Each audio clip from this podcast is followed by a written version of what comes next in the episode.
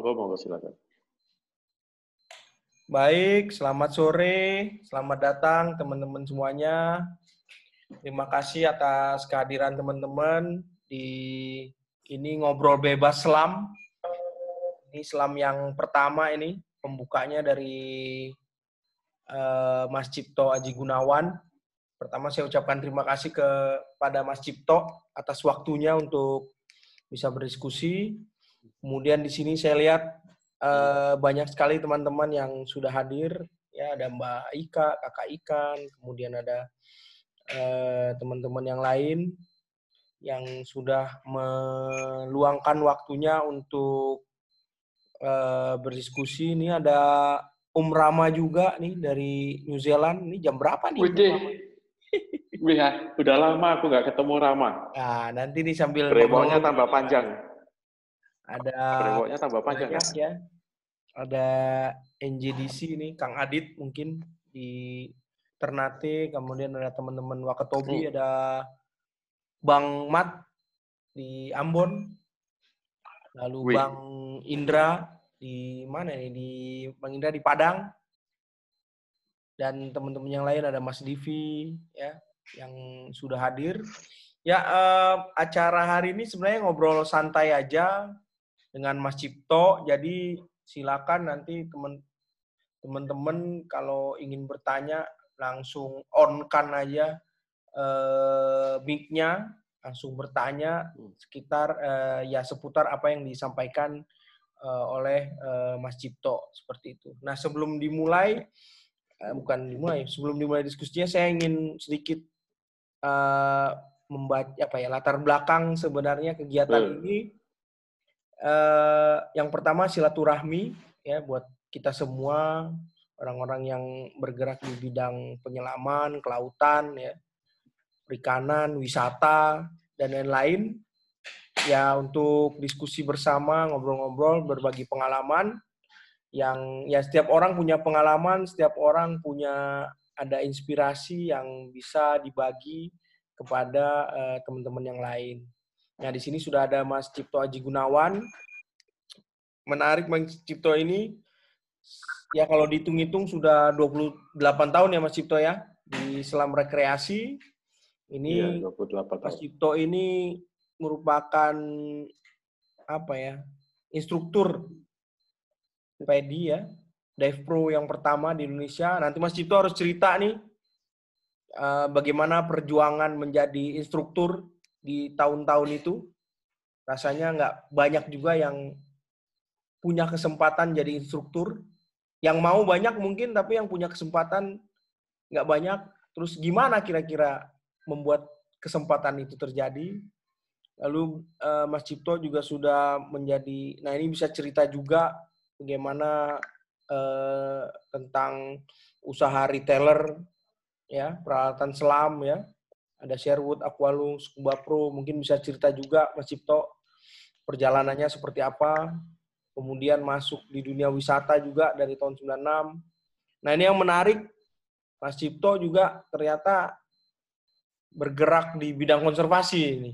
Ya mungkin ada kaitannya karena sudah instruktur, sudah punya pengalaman di tourism, akhirnya bekerja sama dengan pihak-pihak konservasi, lalu aktif di LSM dan pemerintah, dan juga bisa cerita juga tentang eh, apa ya bagaimana kehidupan jalannya sebagai underwater fotografi dan videografi. Lalu ke depannya kegiatan ini seperti apa sih?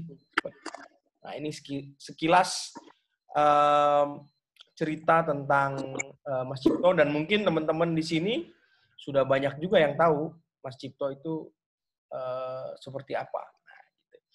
Baik, uh, karena ini ngobrol-ngobrol, mungkin saya hanya uh, memantik uh, diskusi saja. Mas Cipto, apa kabar Mas Cipto? Kabar baik Mas, apa kabar? Nah, baik semua ya. Bali, Bali ya semoga aman. semua baik semua lah. Bali, Bali aman-aman saja. Nusa di Nusa Dua ini berarti? Nusa Dua, tempat kita dulu ber, uh, berkumpul-kumpul. Mau ajak mau ajak teman-teman kumpul lagi di sini. Siap. Tahun siap. depan. Nah, Mas Cip, tadi uh, sempat sharing tentang muridnya yang pertama gitu ya dan uh, ya cerita-cerita tentang dulu. Nah mungkin bisa diawali dari kegiatan masjid sendiri yang bagaimana sih dulu ceritanya bisa kan ini 20, 28 tahun nih. Nah kira-kira milestone yang apa ya masjid jalani selama 28 tahun ini apa aja sih di bidang penyelaman gitu. Dan kenapa masjid memutuskan menjadi apa ya bergerak di bidang ya industri selam ini gitu. Di tahun-tahun zaman dulu tuh orang nggak banyak tuh yang tahu selam juga. Gimana Mas Cip?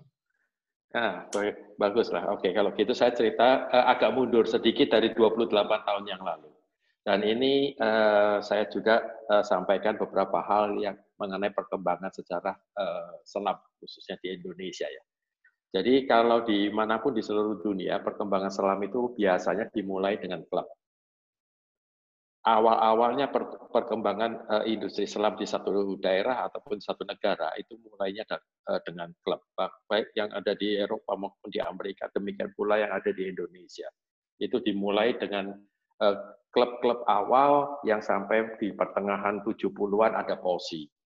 Tapi di di zaman ada POSI itu juga ada beberapa klub lain, termasuk klub-klub mahasiswa. Salah satunya adalah klub mahasiswa yang saya bergabung, yaitu Trisakti Diving Club.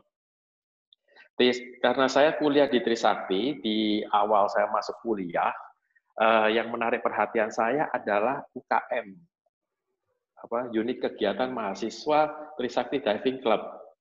Ini kok berbeda dengan unit-unit uh, mahasiswa yang lain walaupun saya tidak tidak uh, hanya satu-satunya mengikuti UKM diving saja tapi saya akhirnya di tahun 90 karena sesudah berjuang dua tahun uh, akhirnya saya bergabung dengan Trisakti Diving Club. Itu uh, salah satu senior saya di Trisakti Diving Club yang sekarang masih eksis itu Suhodo itu. Itu Suhodo itu uh, kenal saya sejak saya masih di Plonco sama mereka-mereka itulah. Nah, pada saat di, di klub itu eh, setiap kali latihan itu ada hal yang membuat saya kesal, yaitu setiap kali kita mau menyelam, sering sering kali kita agak dipersulit oleh para senior ini. Suruh na, e, nanya dulu, suruh lapor dulu, kira-kira seperti itu. Dan kemudian akhirnya kita bisa menyelam dengan tangki-tangki sisa. Tuh. Jadi kalau waktu itu nyelam di Pulau Seribu, itu sesudah selesai pendidikan diving, uh, yang untuk teman-teman, kemudian uh, kita tangki sisa 50 bar, 100 bar kita pakai untuk nyelam di bawah dermaga. Itu pun sudah senangnya minta ampun. Nah saya mikir, kalau saya jadi instruktur, saya nggak perlu minta izin, minta izin lagi untuk mau diving. Mau diving saya tinggal ambil tabung, saya nyebur, nyebur uh, ajak orang, ya sudah seperti itu. Dan kemudian saya lihat, eh nyelam ini kok keren ya. Dan kemudian di saya ingat sesudah selesai saya pendidikan, saya diajak untuk ngajar. Nah, ini ini ini ini praktek yang biasa dilakukan oleh klub. Di mana eh, senior itu mengajak juniornya untuk membantu ngajar. Karena waktu itu saya adalah mahasiswa di bidang eh, teknik, kebetulan saya eh, senang mendalami beberapa hal tentang diving, khususnya mengenai dive table, maka saya di dalam tanda kutip disuruh ngajar tentang dive table. Yang diajar adalah anak salah satu konglomerat yang ada di Indonesia waktu itu. Oh, nah, so, nah selama itu, uh, selama mengajar itu, saya juga agak dendam sebetulnya. Karena saya yang disuruh berbasah-basah di kolam, saya yang kedinginan karena kolamnya dingin, senior-senior saya yang mengajar itu, mereka duduk di pinggir kolam sambil makan pisang goreng. Jadi aku agak kesal juga nih. Ah, sialan. Eh, ternyata gua yang di pelonco suruh ngajar juga. Tapi kemudian itu memicu saya, suatu saat saya akan jadi instruktur. Nah, sesudah itu, selang beberapa tahun, di mana di klub itu saya ikut uh, uh, banyak kegiatan trip mingguan, kemudian saya juga mengorganisir trip dengan apa tugas ngisi tabung waktu itu. Jadi eh, kuliahnya di Trisakti, ngekosnya di Grogol, ngisi tabungnya di Blok A. Karena ada kebetulan saya ada mobil waktu itu, kalau ada kegiatan latihan saya disuruh ngisi tabung. Nah udah saya kerjanya ngisi tabung dan sebagainya. Kemudian ada salah satu teman yang mengatakan, eh, lu mau nggak jadi instruktur? Waktu itu sama sekali sebetulnya tidak tidak kepikir uh, instruktur di luar yang saya tahu yaitu posi. Karena saya uh, di klub itu adalah dari posi. Kemudian aku mengatakan, wah kalau jadi instruktur posi masih lama lah. Nggak bisa uh, apa cepat karena kan di posi itu penjenjangannya waktu itu juga masih tidak semudah sekarang. Jadi penjenjangan kita belajar open water aja kalau nggak salah tiga bulan atau enam bulan itu. Nggak seperti sekarang satu minggu selesai. Apalagi A, dari A2, A3, A4, A5, dan sebagainya itu masih lama. Kemudian teman-teman mengatakan, bukan posi. Kita uh, coba yang di Hilton. Waktu itu hotel, hotel Sultan namanya Hotel Hilton. Mengatakan, ayo kita coba yang di Hilton. Hilton itu ada dive, uh, dive center mereka ngeluarin sertifikat internasional. Nah, saya mengatakan apa itu? Oleh teman ini saya diajak ke Hilton. Dan di situlah saya berkenalan dengan sebuah dive center. Sebetulnya ada dua buah dive center pada saat itu di sana, yaitu Dive Master dan uh, Jakarta Dive School. Dan di Jakarta Dive School itulah teman saya memperkenalkan saya dengan instruktur di sana. Dan uh, mereka mengatakan, ya silakan kalau mau ikut bergabung. Nah, saya nanya, berapa duit? Karena saya tahu uh, dari uh, teman saya itu, ini bukan sesuatu yang murah. Mereka mengatakan sekian dolar, saya lupa ada berapa dolar. Waduh, sekian dolar aku bilang. Dan itu belum termasuk dive tripnya ke Pulau Seribu. Wah, cilaka aku bilang. Ini sudah sekian dolar, dive tripnya lagi sekian ratus dolar lagi mahal sekali ya bilang. Kemudian uh, saya nanya, boleh nggak kalau misalnya dive trip itu saya nggak perlu tidur di resort, saya tidur di kapal aja. Mereka mengatakan silakan kalau mau tidur di kapal ya boleh aja, uh, bayarnya memang jauh lebih murah. Akhirnya saya ikutlah pendidikan advance di Jakarta Dive School itu. Yang ngajar namanya Jerry Gray. Kalau tahun beberapa tahun lalu uh, ada orang asing yang ditangkap gara-gara apa namanya uh, demo di sekitar uh, KPU, Jerry Gray. Nah itu orang itu adalah instruktur saya. Jerry Gray ini juga dulu apa sempat uh, apa menjadi suaminya salah satu uh, penyelam senior kita juga di Indonesia. Nah, di situlah saya mulai belajar pedi. Perjalanan belajar pedi membuat saya berpikir, oh ya, ternyata diving itu tidak sekedar yang saya kenal seperti yang di Indonesia.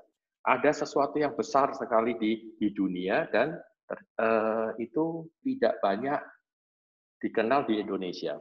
Kebanyakan orang Indonesia yang saya tahu saat itu adalah mengenal diving melalui posi, mengenai melalui klub tetapi eh, orang-orang expat di Jakarta, kalau diving tidak melalui klub, mereka melalui dive center. Dive center itu yang dijual adalah eh, sertifikasinya saat itu adalah PEDI. Nah, kemudian saya mulai mengikuti itu dan akhirnya tahun 92 ada satu perusahaan diving yang baru buka dan mereka distribusikan alat, yaitu Sherwood dan Cressy. Di situlah saya mulai mengenal dive center dan juga retail karena saya kemudian bekerja untuk dive, dive center tersebut dan oleh dive center tersebut saya dibiayai untuk jadi dive master. Jadi dive master saya dibiayai sama orang lain. Kemudian sesudah itu saya juga diberikan kesempatan untuk uh, jadi instruktur. Hanya saja pada saat itu pendidikan instruktur PEDI tidak bisa dilakukan di Indonesia. Belum ada cost director-nya dan belum ada yang juga yang mendatangkan ke Indonesia. Oleh sebab uh, dev center atau dev uh, center yang menjual Crazy dan Sherwood itu berafiliasi ke Singapura, maka saya dikirim ke Singapura. Jadi di tahun 92 saya mulai kerja di diving, tahun 93 saya uh, ke Singapura untuk uh, ambil instruktur uh, PEDI. Nah, itulah mulai saya mengenal uh, scuba diving tidak hanya dalam uh, lingkup Indonesia, tapi saya mengenal scuba diving dari lingkup yang lebih luas yaitu uh, internasional. Nah, itulah mulainya uh, saya jadi instruktur PEDI di sana. Kemudian ada beberapa teman yang mengajak bekerja sama. Teman-teman itu sampai sekarang masih ada dan eh, sebagian dari mereka menjadi senior-senior diving yang sekarang berkiprah eh, banyak di Jakarta. Pasti banyak teman-teman di sini yang kenal dengan Abimanyu Karnadi, Michael Sukri, itu dan beberapa teman yang lain, kami bersama-sama, eh, mereka eh, ngajak gini, yuk kita buat dive center. Saya yang waktu itu sebagai instruktur, saya yang ngajar, mereka uh, yang set up uh, data centernya. Maka kita kerjasama dan di tahun 93 kalau nggak salah, itu sesudah saya jadi instruktur, kita membuat sebuah usaha yang namanya Sistar. Nah, Sistar itu dari Sistar itulah ber, berkembang eh, ada dengan ada Michael Sukri, kemudian ada Abi Karnadi, dan mereka juga lah yang menjadi murid-murid saya pertama untuk try out, karena kan saya baru jadi instruktur. Nah, instruktur cari murid ya yang paling dekat adalah sekelilingnya. Nah, sekeliling saya mereka-mereka itulah. Jadi di situlah mulai uh, ngajar uh, cukup banyak. Sampai sekarang masih ada sih beberapa dari tahun-tahun itu yang saya lihat masih aktif uh, menyelam. Sampai kemudian singkat kata saya dengan Sistar, kemudian saya pernah bekerja dengan Dive Master juga, yaitu waktu eh, dan kemudian dengan uh, Dive Indonesia, Jakarta Dive School, sampai akhirnya tahun 96 saya memutuskan masa sih di Indonesia nggak ada orang yang bisa jadi uh, course director. Karena memang saat itu ada beberapa pendidikan instruktur PEDI di mana cost director-nya didatangkan dari luar negeri. Dan tahun 96 itu saya mengajukan aplikasi ke PEDI, karena pendidikan cost director itu berbasis aplikasi. Jadi kalau persyaratannya sudah terpenuhi, maka kita mengajukan aplikasi dan melalui aplikasi itulah kemudian kita ditentukan apakah berhak untuk ikut pendidikan atau tidak.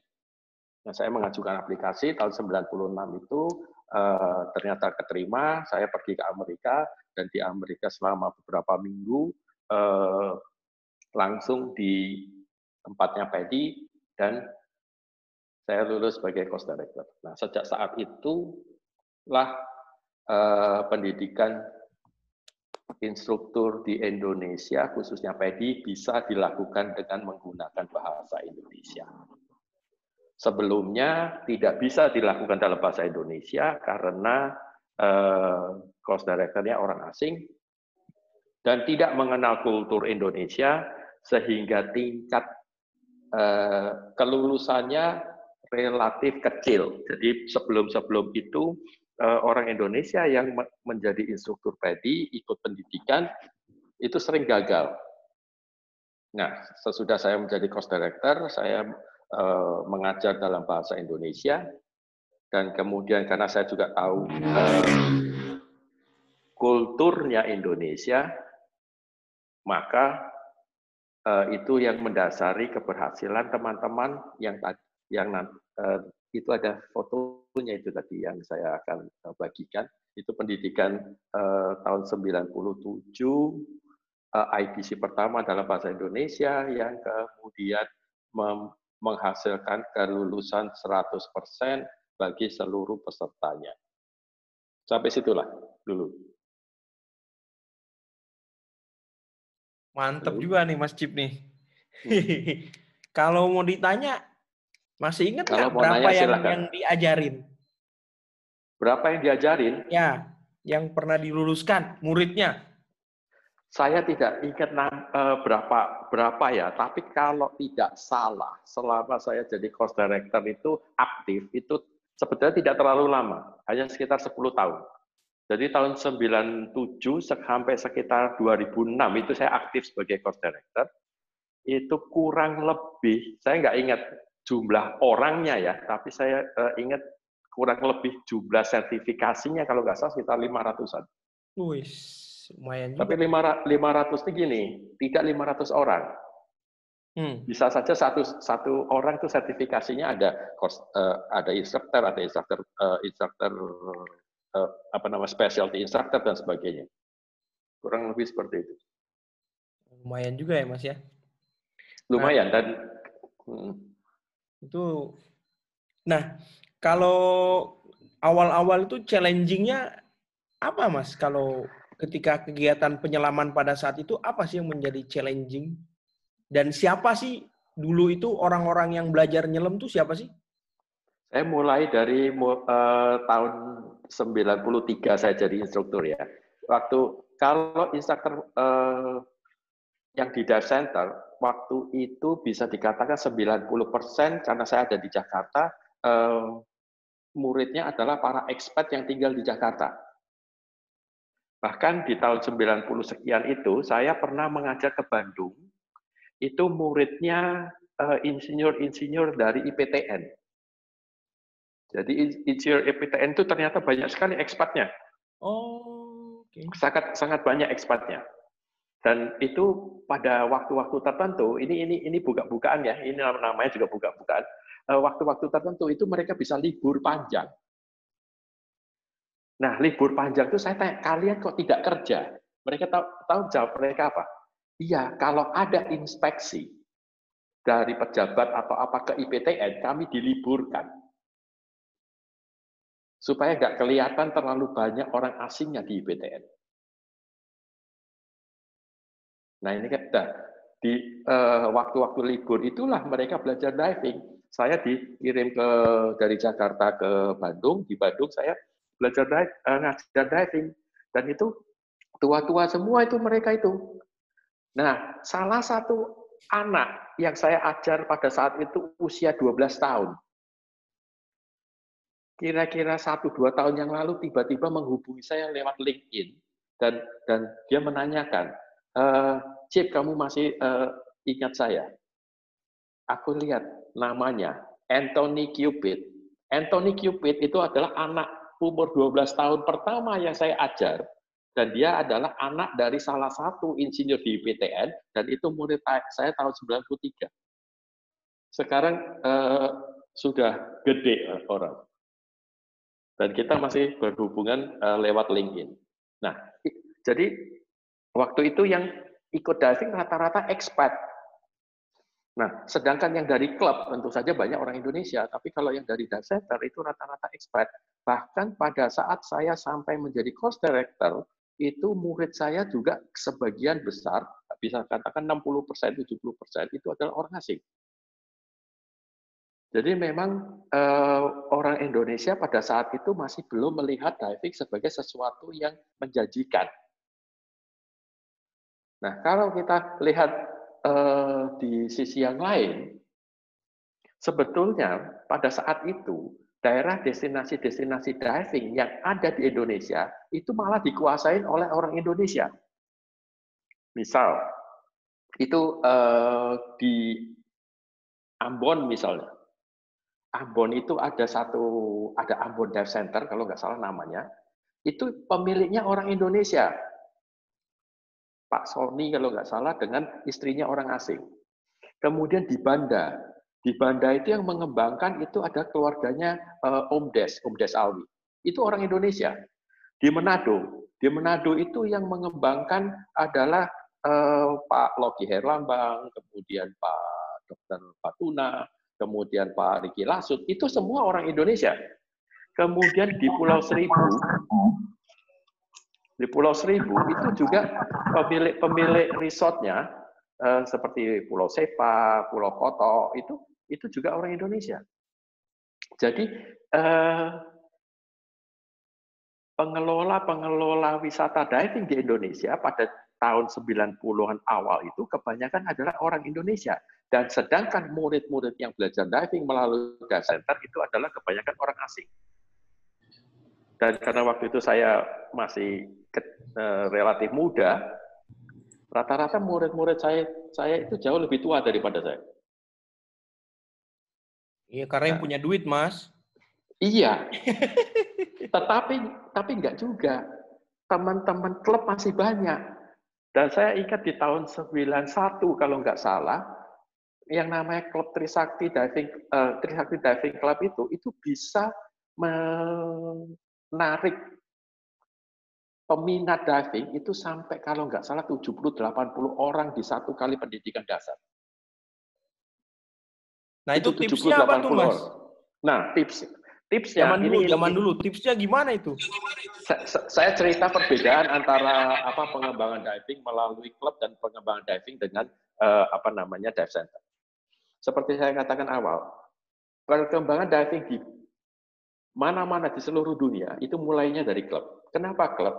Karena klub itu relatif terjangkau dan membentuk komunitas yang relatif solid. Dan melalui klub itu diving menjadi relatif murah. Beberapa hal yang saya dapatkan dan kemudian saya dorong eh, bagaimana pengembangan diving melalui klub. Klub itu bisa mencetak instruktur. Bahkan kalau perlu, klub itu bisa membiayai seseorang menjadi instruktur. Kemudian orang bersangkutan itu sudah selesai menjadi instruktur, itu bisa mengajar di klub dengan relatif murah. Coba bayangkan, kalau kita semua tahu bahwa pendidikan diving itu eh, menjadi mahal, tetapi sebetulnya aplikasinya untuk ke agency itu tidak mahal-mahal amat sebetulnya. Ya kan?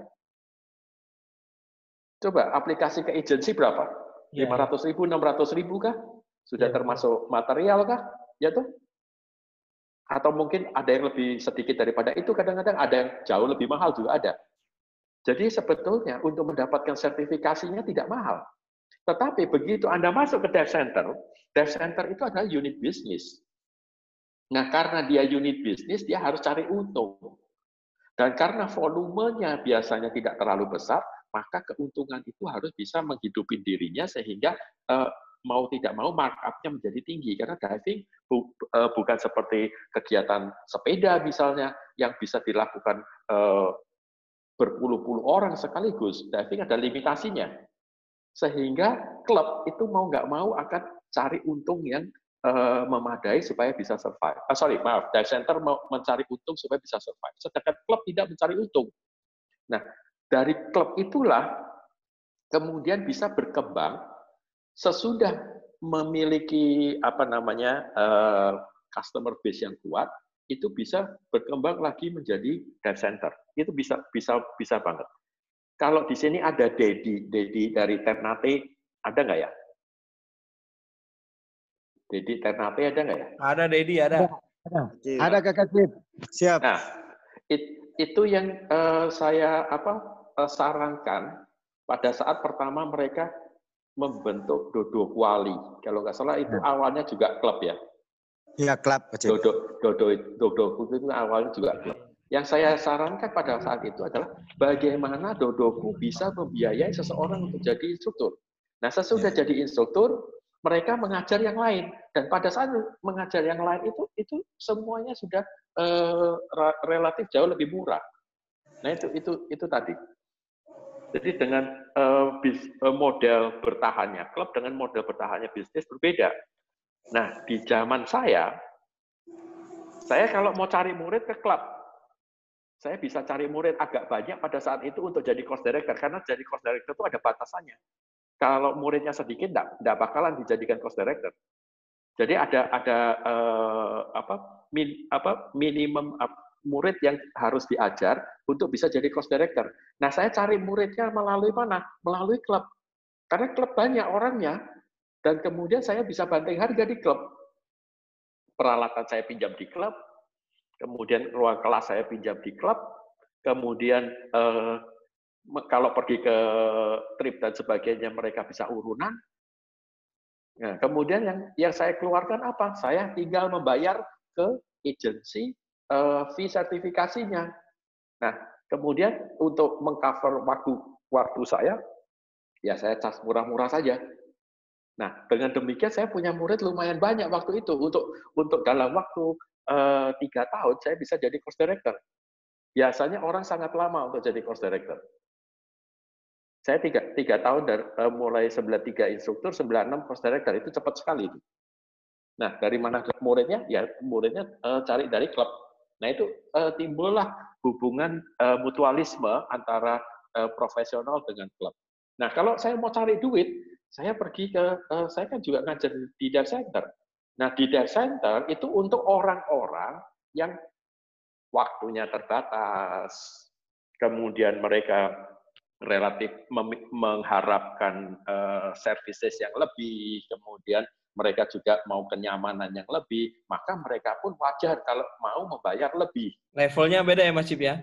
Levelnya beda, tapi masing-masing itu bisa dimanfaatkan uh, mau cari duit atau mau cari orang, mau cari kepala. Oh. Itu itu, itu kedua-duanya saya jalani.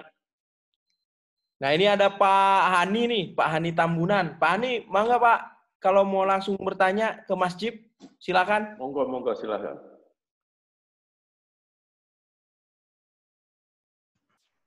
Selamat sore Pak Cip. Selamat sore teman-teman. Iya Pak. Pak. Nah, jadi hmm, saya ingin tahu setelah 28 tahun uh -huh. dibandingkan dengan era sekarang ya, artinya waktu memasuki yang katanya hmm. zaman milenial ya. Hal yang paling mendasar ya, yang paling dirasakan tuh uh, untuk kita kita ini yang sudah memasuki usia gitu, uh, uh apa yang kudu diantisipasi sebagai penyelam?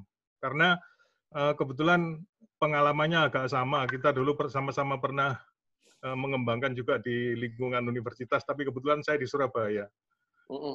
Kira-kira apa yang harus diantisipasi memasuki zaman yang katanya sekarang sudah ya ya kita nggak boleh gaptek itu tadi Pak.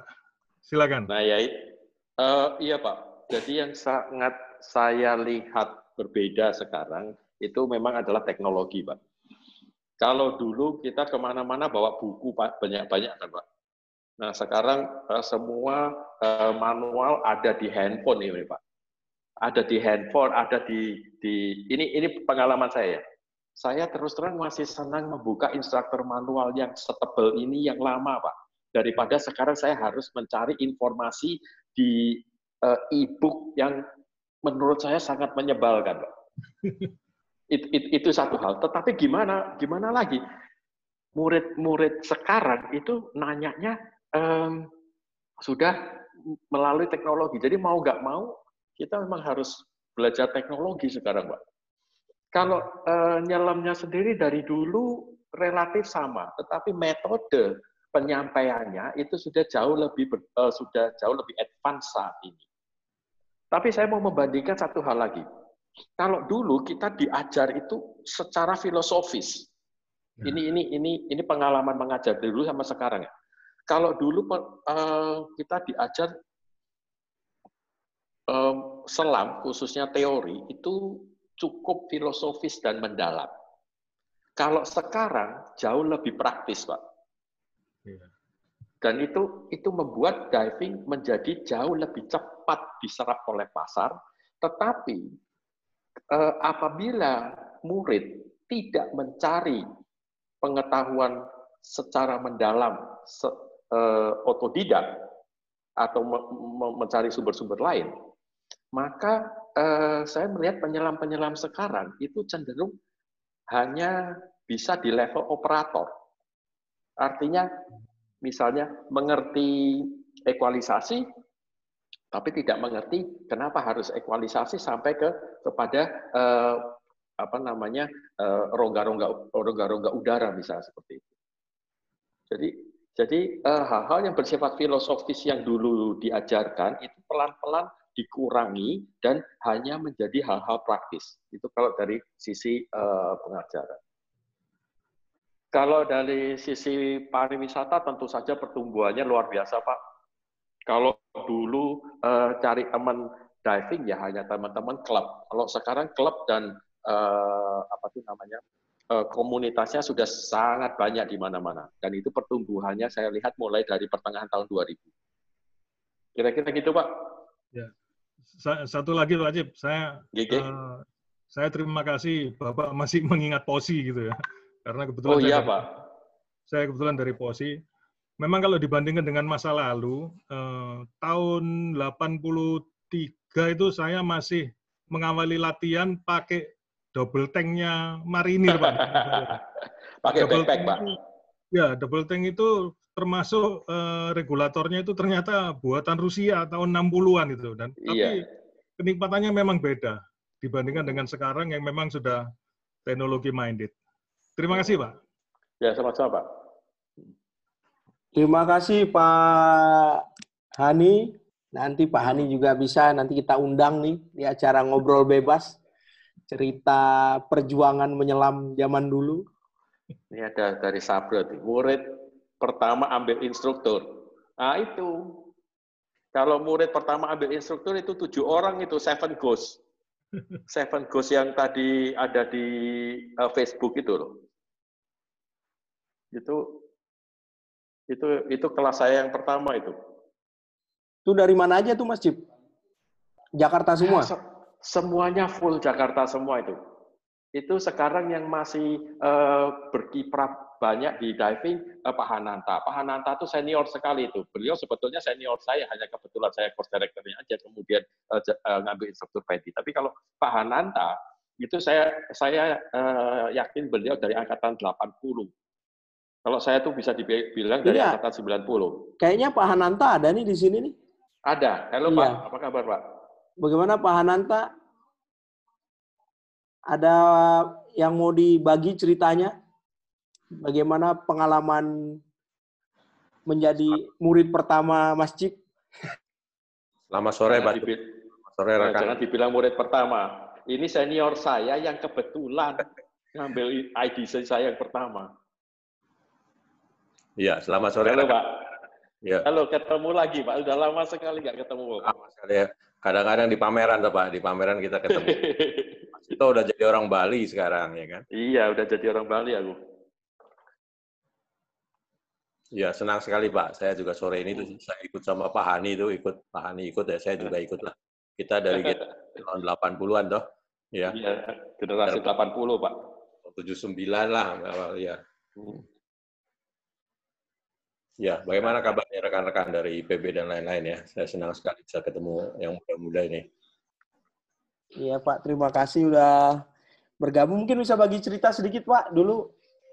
Uh, ya tadi I, apa pengalaman awal-awal menjadi instruktur misalnya bisa di-share sedikit. Ya, jadi dulu dulu saya itu dari belajar menyelam di Bandung saya Pak. Saya waktu itu masih mahasiswa dan ada klub di Bandung yang kebetulan mulai mengajar nyelam, jadi saya mengajar belajar menyelam. Sama seperti Pak, Pak Cipto lah, ke, apa pengalamannya. Mau belajar scuba di atas masih banyak senior, ya kan? Akhirnya waktu itu nekat aja. Saya punya hobi yang lain, saya jual alatnya, saya belikan alat-alat diving, termasuk tabung dan regulator. Saya ingat benar itu tahun 79 itu. Ya. Dan waktu di kolam juga dibilang, uh, waduh nanti itu kamu latihannya belum saatnya. Saya saya bawa sendiri aja tabungnya ke kolam saya latihan sendiri. Kira-kira seperti seperti itulah. Teori aja juga nggak ada ya kan. Nah, kita tahu dekompresi segala airnya. Saya ingat saya uh, belanja buku di Jalan Braga Bandung toko buku insulin itu buku tahun 80 masih ada buku ya dari situlah saya tahu bahwa penyelam itu berbahaya dan harus pakai banyak teknik tapi dengan itu uh, sampai sekarang ya saya masih menyelam ini terus terang aja sama Pak Hani juga masih menyelam. Uh, ketemu dengan Pak Cipto itu karena ya tadi itu mungkin itu resepnya Pak Cipto untuk untuk apa menjadikan murid-murid yang banyak dari klub gitu loh.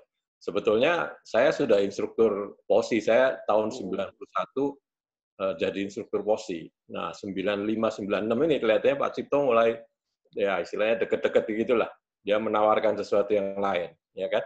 Dan akhirnya kita memang waktu itu ikut, saya ingat tujuh orang, satu orang ada di orang Manado ya sekarang masih di Manado, saya rasa di Gangga Resort ya sekarang. Nah, kira-kira seperti itu. Jadi ini menarik. Dulu uh, kita belajar menyelam awalnya itu ya kita semi militer barangkali ya banyak guru-guru dari angkatan laut kemudian ketemu dengan Cipto yang mengajar menyelam dengan cara yang berbeda boleh dibilang berbeda 180 derajat kan ya. Tidak tidak ada lagi uh, nah yang ada di waktu itu adalah bahwa kita diajak untuk mengajak orang supaya tertarik dengan dunia bawah air. Itu yang membedakan lah. Dan saya juga belajar banyak dari organisasi yang saya ikutin ini yang dari luar ini. Dan sekarang juga ya kebetulan saya masih aktif di POSI, saya juga aktif di ngajar di tempat yang lain. Ya, saya gunakan dua-duanya, saya campur aja seperti Cipto yang sekarang ini. Ya. Nah, mungkin saya kembali ke Pak Cipto karena ini uh, ranah kan nanti Terima kasih Pak Cipto. Terima kasih ini rame -rame Pak. aja Pak. Ini kita cerita rame-rame aja Pak ini Pak. Ini kita cerita rame-rame aja. Saya saya mencetuskan aja supaya eh, teman-teman uh, ini yang yang supaya supaya tidak terjadi generation gap. Betul, supaya generasi-generasi awal uh, yang sekarang ini juga tahulah uh, bagaimana pertumbuhan uh, perkembangan selam Indonesia. Mas Cip, Dan, uh, kalau akses alat, beli alat selam itu dulu gimana ya? Mudah atau susah atau gimana? Uh, sejak zaman saya ikut diving, itu lautan mas sudah ada. Oke. Okay. Kemudian Dive Master itu punya dua toko. Yang satu di Hilton, yang satunya lagi di Kemang. Kemudian Dive Indonesia itu uh, sebagai distributornya uh, gini, Lautan Mas itu kalau nggak salah dulu pegangnya Dakor. Kemudian tempat saya kerja itu namanya Stevida Perkasa, itu pegangnya Tracy dan Sherwood. Kemudian ada uh, dive master atau sekarang master selam itu sudah ada sejak zaman dulu dan sejak uh, itu pegangnya Aqualung. Kemudian Scuba Pro itu dulu yang pegang adalah uh, Dive, Dive Indonesia atau Jakarta Dive School ini setidak-tidaknya empat, eh, tiga atau empat ini bertahan sampai uh, sorry, yang tiga bertahan sampai sekarang, yang Stevida yang tempat saya sudah nggak bertahan. Tiga itu bertahan sampai sekarang dan itu di situlah kita beli alat selam dan dari dulu memang um, yang paling dekat dengan posi atau teman-teman klub itu lautan mas. Sedangkan yang lainnya itu adalah dengan pasar yang berbeda. Kira-kira gitu. Jadi nggak susah cari alat selam hanya mahal aja emang. Hanya yang susah. Kalau sekarang kan banyak sekali. sekarang banyak banget. Oke, Mas Apalagi kalau ada online. Kalau kaitannya tadi udah sempet di ini kan ya. Kalau dive trip yang gitu-gitu gimana itu Mas kalau zaman dulu itu? Nah, dive trip juga terbagi dua. Dive trip yang diselenggarakan oleh klub yang eh, rata-rata uh, relatif terjangkau karena kita semua saweran ya kita uh, patungan untuk bisa sewa kapal, uh, alat dan sebagainya dan juga dive trip yang diselenggarakan oleh uh, dive center. Hmm? Dive trip yang diselenggarakan dive center pasti lebih mahal karena mereka tinggal di resort kemudian uh, dengan kapal speedboat sedangkan uh, kalau yang dari klub kita uh, sewa kapal nelayan. Bahkan dulu kalau dari klub Trisakti, itu kalau uh, pendidikan dasar, kami rame-rame puluhan orang ke Pulau Seribu, ke Pulau Sepa, itu naik kapal barangnya Sepa itu. Jadi uh, Pulau Sepa itu menyediakan kapal barang yang mereka untuk angkutan logistik, kami naiknya itu, bukan naik kapalnya yang bersama-sama wisatawan, bukan. Nah, dengan demikian bisa lebih murah.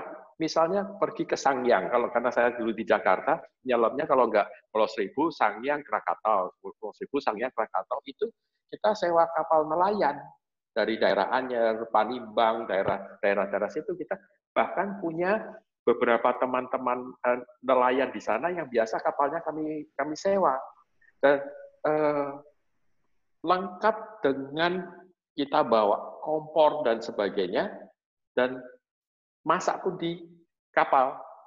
mancing kah atau nembak ikan. Nah, mengenai uh, zaman dulu itu nembak ikan banyak banget ya. Kita kita kalau kalau nyelam uh, sekarang orang kan bawa bawa uh, kamera. Dulu sebagian kecil bawa kamera, lebih banyak yang bawa uh, spear gun. Karena kita cari ikan juga. Cari ikan buat makan juga waktu uh, di di di zaman itu. Ya gitulah kira-kira gambaran dive uh, tripnya. Nah, dive trip ke keluar daerah itu jarang-jarang karena nggak ada duit. Tapi saya pernah uh, dengan naik kapal yang tujuh hari itu saya lupa itu dari Jakarta sampai Sorong di tahun 92. Kemudian dari situ kita uh, menjelajah sebagian perairan di Sorong. Kemudian dari situ uh, naik kapal lagi ke Ternate. Dari Ternate kemudian tahun uh, 92 atau 91 92 saya sudah nyelam di Ternate dan saya sudah makan uh, kepiting kelapa yang di apa tuh restoran apa itu? Saya lupa namanya. Itu uh, Dedi tahu tuh restorannya. Itu saya sudah di sana. Pada saat perjalanan saya dari Sorong ke Ternate dari Ternate ke Bunaken dan kemudian di Bunaken saya menyelam di uh, tempatnya Nusantara Dive, Dive Center. Pada saat itu tempatnya Pak Pak Loki. Ya kemudian ketemulah teman-teman yang lain seperti uh, misalnya Reinhard itu. Mereka sudah berkiprah di sana ya kira-kira begitu untuk Berarti perjalanan di uh, Indonesia penyelaman. juga pada saat itu sudah banyak juga udah ada lah instruktur-instruktur di daerah-daerah wisata ya kayak di Manado gitu-gitu Sedikit, ada tetapi sedikit. Seperti misalnya di Manado itu uh, instruktur itu Pak Loki, uh, itu dari SSI. Jadi Pak Loki itu adalah uh, pionir SSI Indonesia yang menem, dalam tanda kutip menemukan Manado bersama dengan uh, Pak Hani Batuna. Pak Hani Batuna itu dari Nawi. Kemudian uh, dengan Pak Riki Lasut. Mereka lah instruktur di sana. Tapi sesudah itu antara mereka ke bawah itu itu kosong bisa dibilang uh, kosong sampai nanti ada barakuda. Barakuda saya lupa orangnya namanya siapa. Nah, kemudian kalau di Ambon itu ada instruktur juga yaitu namanya Sony kalau nggak salah. Pak Sony itu. Kemudian di Bali instruktur itu ada Pak Ena Parta kalau nggak salah. Di ini ini kita bicara di eh, awal-awal tahun 90-an ya. Kemudian di Bali juga ada uh, instruktur Nawi yaitu Pak uh, Hadi Purnama. Hadi Purnama ini kan uh, adalah omnya Siddhartha. Kalau Siddhartha ada nggak di sini? Nah, beliau sekarang sudah sangat sepuh uh, sudah sangat sepuh juga. Sedangkan di Jakarta itu instruktur posi relatif cukup banyak. Tetapi instruktur uh, dari PEDI pada saat saya zaman saya jadi instruktur itu uh, sedikit relatif sedikit. Ada yang namanya Toar, Toar Pantau, senior Anda di IPB. Oh iya, betul, betul. I, ya. itu Toar itu di, di angkatan 90-an. Kemudian di kalau nggak salah di angkatan 90 awal itu ada Toar, ada saya, ada yang orang Indonesia ya.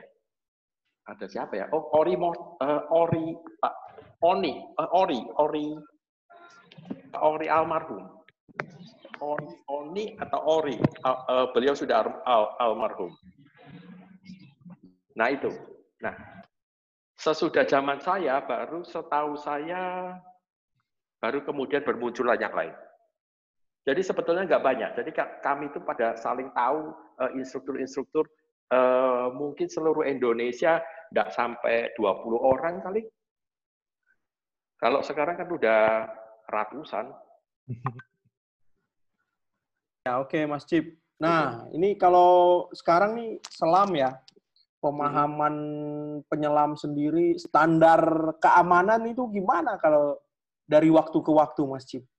Dari zaman awal sampai sekarang. Standar keamanan? Ya, yang diterapkan oleh para penyelam pada masanya. Gimana tuh? Nah, kalau kita mau ngomong jujur ya, selama bertahun-tahun kita tidak terlalu memperhatikan standar keamanan. Baik dari uh, berbagai sisi tidak terlalu menjadi perhatian. Bahkan sampai sekarang uh, walaupun uh, penyelaman itu relatif aman, tetapi korban sebetulnya masih cukup banyak. Masih ba uh, banyak hal yang harus kita benahi untuk standar keamanan seperti ini. Uh, tetapi kita tertolong dari zaman dulu ini kita tertolong begini. Kalau zaman dulu orang belum benar-benar mampu menyelam dengan digojlok habis-habisan, saya lupa kalau nggak salah saya open water tiga bulan apa enam bulan itu. Kalau belum bisa sampai di bawah air bongkar alat kemudian uh, naik ke naik kemudian turun paksa alat sendiri bail out dan sebagainya uh, nggak boleh ke laut. Dan kemudian kalau belum bisa uh, pakai snorkeling di bawah air 50 meter nggak boleh ke laut. Jadi banyak hal-hal seperti itu. Akhirnya pada zaman dulu orang-orang yang bisa mendapatkan sertifikasi selam itu yang memang secara fisik dan mental sudah teruji. Nah, kemudian di sisi lain pendidikannya sebetulnya sangat kurang. Jadi kami, itu banyak belajar nekat sebetulnya dan kemudian belajar sendiri sambil jalan karena proses pendidikan terus terang pada saat itu masih uh, belum belum bagus. Nah, kemudian uh, karena ditolong kemampuan individualnya yang terlatih, maka kecelakaan penyelaman relatif tidak terlalu banyak dan tidak terlalu banyak diekspos juga. Dari zaman dulu sampai sekarang ada kecenderungan bahwa kecelakaan penyelaman itu tidak mau diekspos. Salah satu alasannya adalah uh, supaya orang tidak takut menyelam. Itu salah satu alasannya. Sebetulnya banyak alasan yang lain, nanti ini kita bahas di sesi yang lain. Semakin kemari, seperti saya, katakan tadi, orang semakin mudah untuk bisa menyelam, pendidikannya juga menjadi relatif semakin simple, dan uh, lebih banyak bersifat praktis, sehingga kecelakaan bisa dikatakan mulai terekspos, apalagi uh, adanya sosial media zaman sekarang semuanya kelihatan ya kalau ada orang kecelakaan. Kemarin ini salah satu guide di Amet juga meninggal. Kita kita uh, berduka untuk hal tersebut, tapi kita juga belum tahu bagaimana kronologisnya. Jadi itu, itu yang terjadi. Secara umum memang uh, industri pariwisata khususnya setelah masih harus meningkatkan keamanan. Gitulah. Hmm. Wah, mantap nih. Nah, di sini ada Mas Bayu nih. Bayu Wardono. Ah, Bayu Wardono. Wardoyo. Wardoyo. Nah, nah mungkin nah, Bayu cerita Wardoyo. juga tuh di sharing-sharing juga. Gimana Mas Bayu? Hai. Halo, Cep. Apa kabar, Cep? kita ini nostalgia ya. Kita pernah pernah berpartner cukup lama dan ber seru lah pokoknya. Uh, karena waktu itu uh, saya sama Cipto sempat uh, bareng-bareng di Aqua Pro dan itu sebelum itulah. Oh sebelum itu ya ya ya. Dulu lah. Dua dulu Cuman yang, dulu. yang seru itu waktu di waktu di Aqua Pro karena uh, apa ya itu itu kita berusaha kasih satu standar bahwa uh, untuk menjadi sebuah uh, role model untuk menjadi seorang instruktur tuh nggak hanya ber, ber hanya berdasarkan lulus IDC lalu jadi instruktur nggak tapi banyak ininya lah banyak apa namanya hmm. yang harus uh, dari dari person, personal sebagai instrukturnya itu harus uh, belajar macam-macam. Jadi kita harus belajar psikologi orangnya lah segala macam. Nah ini salah satu partner dan guru saya ya Cipto ini. Gitu, gitu Mas Begin. Saya cerita ya. sedikit tentang Pak Bayu ini. Nah, mantap, mantap. Pak, Pak, saya ingat ketemu Pak Bayu itu di Labuan Lalang. Kang Bikin pasti tahu Labuan Lalang, toh? Siap, siap. Itu uh, Bali Barat, Bali tempat Barat. tempat penyeberangan ke Waka, oh. uh, ke mana? Uh, Menjangan. Menjangan, toh. Nah, saya ketemu beliau ini di Labuan Lalang di salah satu warung. Pada saat uh, waktu itu aku lupa siapa yang hubungi aku, mungkin uh, Pak Sani ya. Ya, ya uh, lewat Bunung, lewat Bunung waktu itu. Hah? Uh, Pak Sani lewat Bunung. Ya, uh, oh, lewat iya. Pak Sani tapi dapatnya dari Bunung. Dan kita kita udah pernah ketemu jauh sebelum itu sebenarnya Cip zaman oh, ya? masih Loh iya zaman masih di ano, masih di Hilton. Oh iya, aku lupa kalau yang itu. Tapi saya ketemu di situ dengan uh, Pak Bayu dan kemudian kita uh, berbicara mengenai mengembangkan dive center di uh, pulau di Pulau Bali Barat yang menghadap ke Menjangan.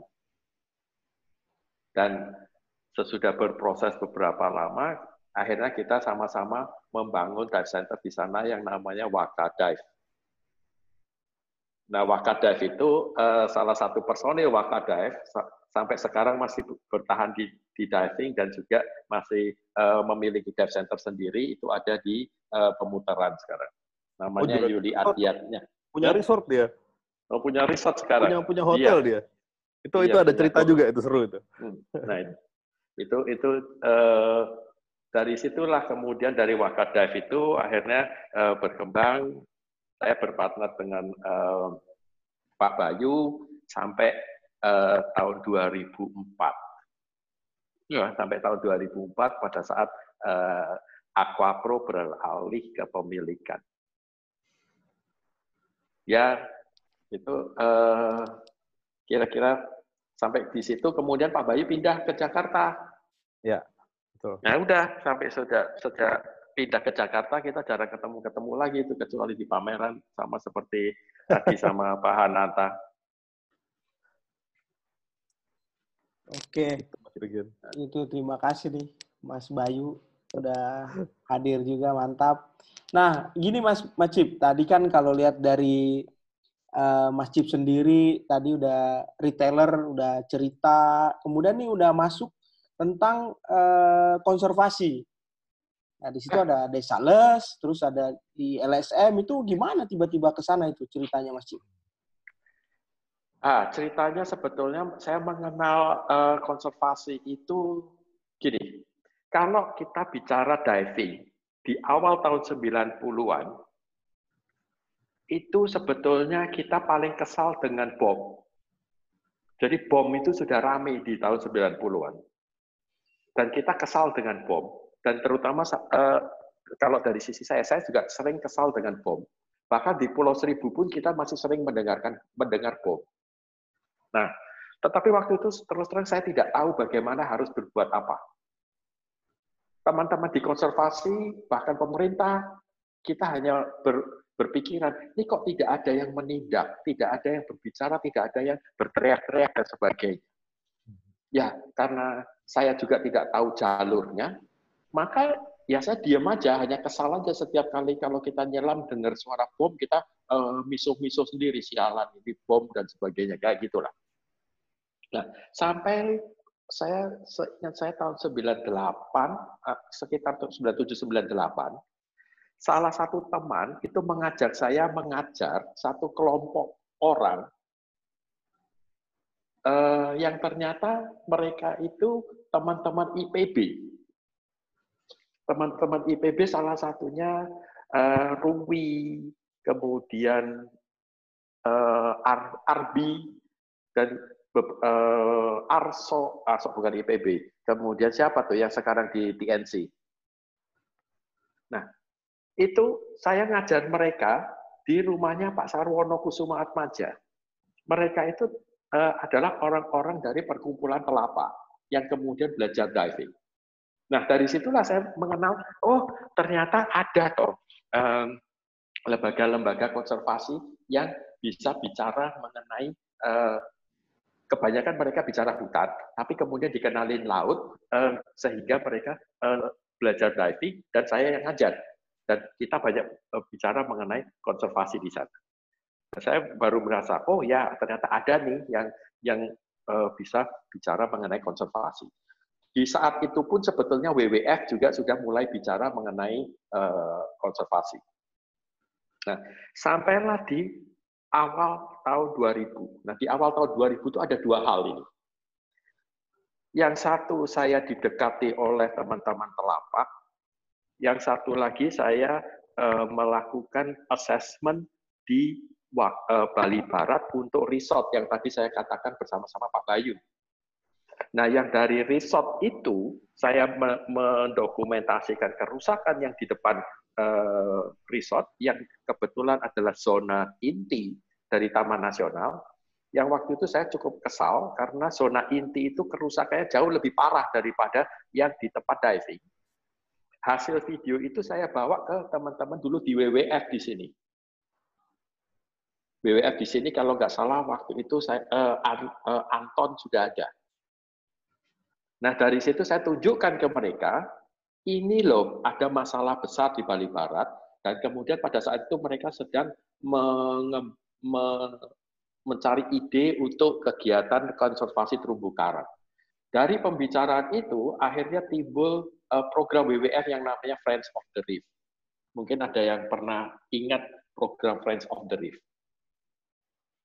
Nah, itu itu salah satunya uh, mulai dari pembicaraan uh, kondisi kerusakan yang ada di Taman Nasional Bali Barat.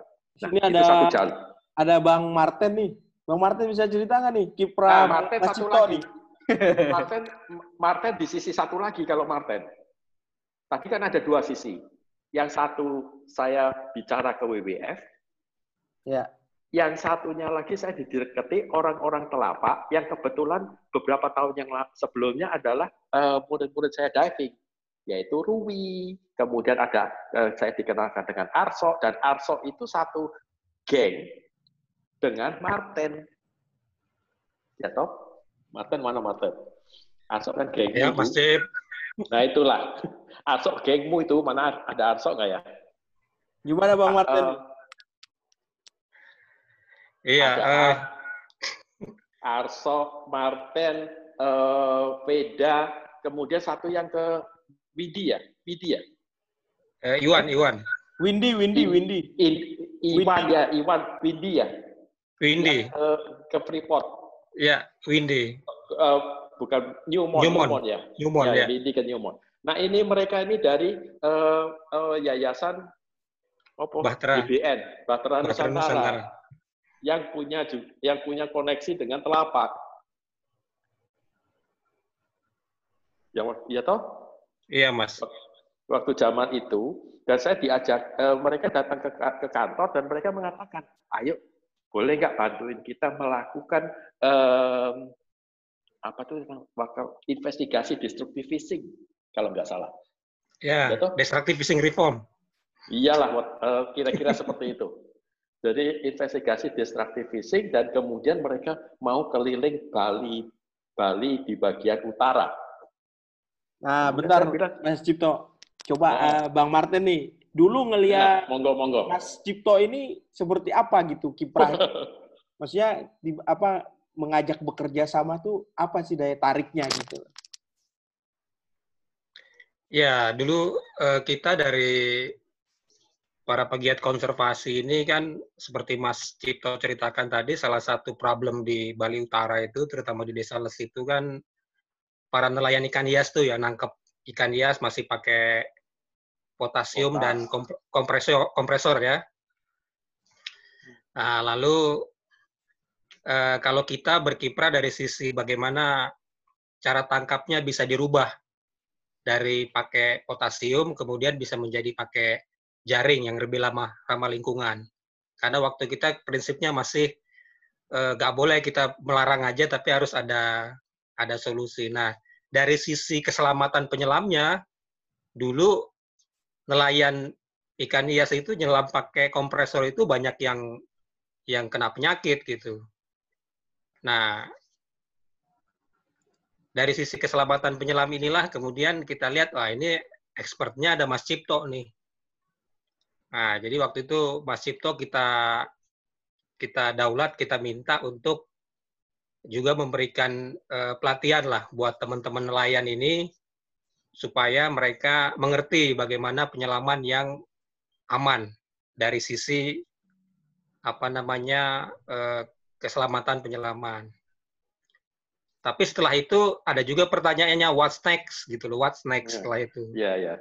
Ya kan? Ya, betul. Nah, lalu betul Betul. kita mengembangkan apa rehabilitasi terumbu karang di Desa Lesta. Lalu mengundang Mas Cipto juga, Mas, ini kalau cuma direhabilitasi tapi nggak punya nilai tambah untuk wisata, kayaknya nah. kurang kurang afdol lah. Jadi kita lagi-lagi bekerja sama tuh dengan Mas Cipto, bagaimana bisa mengembangkan uh, ekowisata berbasis masyarakat di Desa Les itu. Nah, jadi ceritanya gitu tuh, kita ketemu sama Mas Cipto sampai dulu kita mendirikan PT apa itu Mas ya PT Bahtera Lestari. Bahtera Lestari. Ya, itu kita uh buat PT itu sama-sama untuk supaya nelayan bisa punya saham di di PT itu dan bisa mengembangkan usaha yang lain.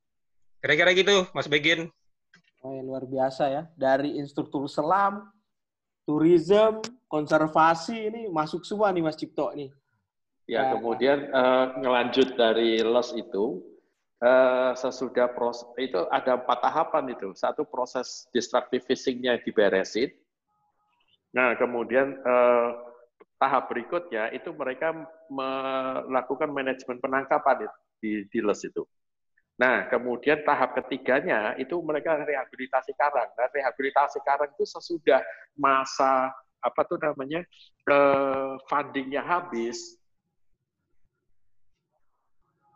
ini mau nggak mau terpaksa plus saya saya saya terusin sendiri nih karena teman-teman ini kalau sudah nggak ada fundingnya uh, bingung juga mau gimana tuh. Nah saya uh, itu sempat vakum di les cukup lama sampai kemudian di 2012 kita uh, masuk lagi ke sana dan uh, full membangun pariwisata berbasis masyarakat yang seperti sekarang. Oke, Begitulah. Nah, kalau sekarang kegiatan di sana apa, Mas Cip? Yang di Les oh, iya, se sekarang tuh katanya. Sekarang sekarang uh, jadi gini, di Les itu di tahun 2012 kita mendirikan sebuah perusahaan. Perusahaan itu namanya, aduh saya lupa nama uh, nama PT-nya, tetapi uh, nama mereknya adalah si Communities. Nah, si Communities itu fungsinya adalah tiga. Satu uh, berfungsi sebagai uh, manajemen, manajemen uh, pariwisatanya.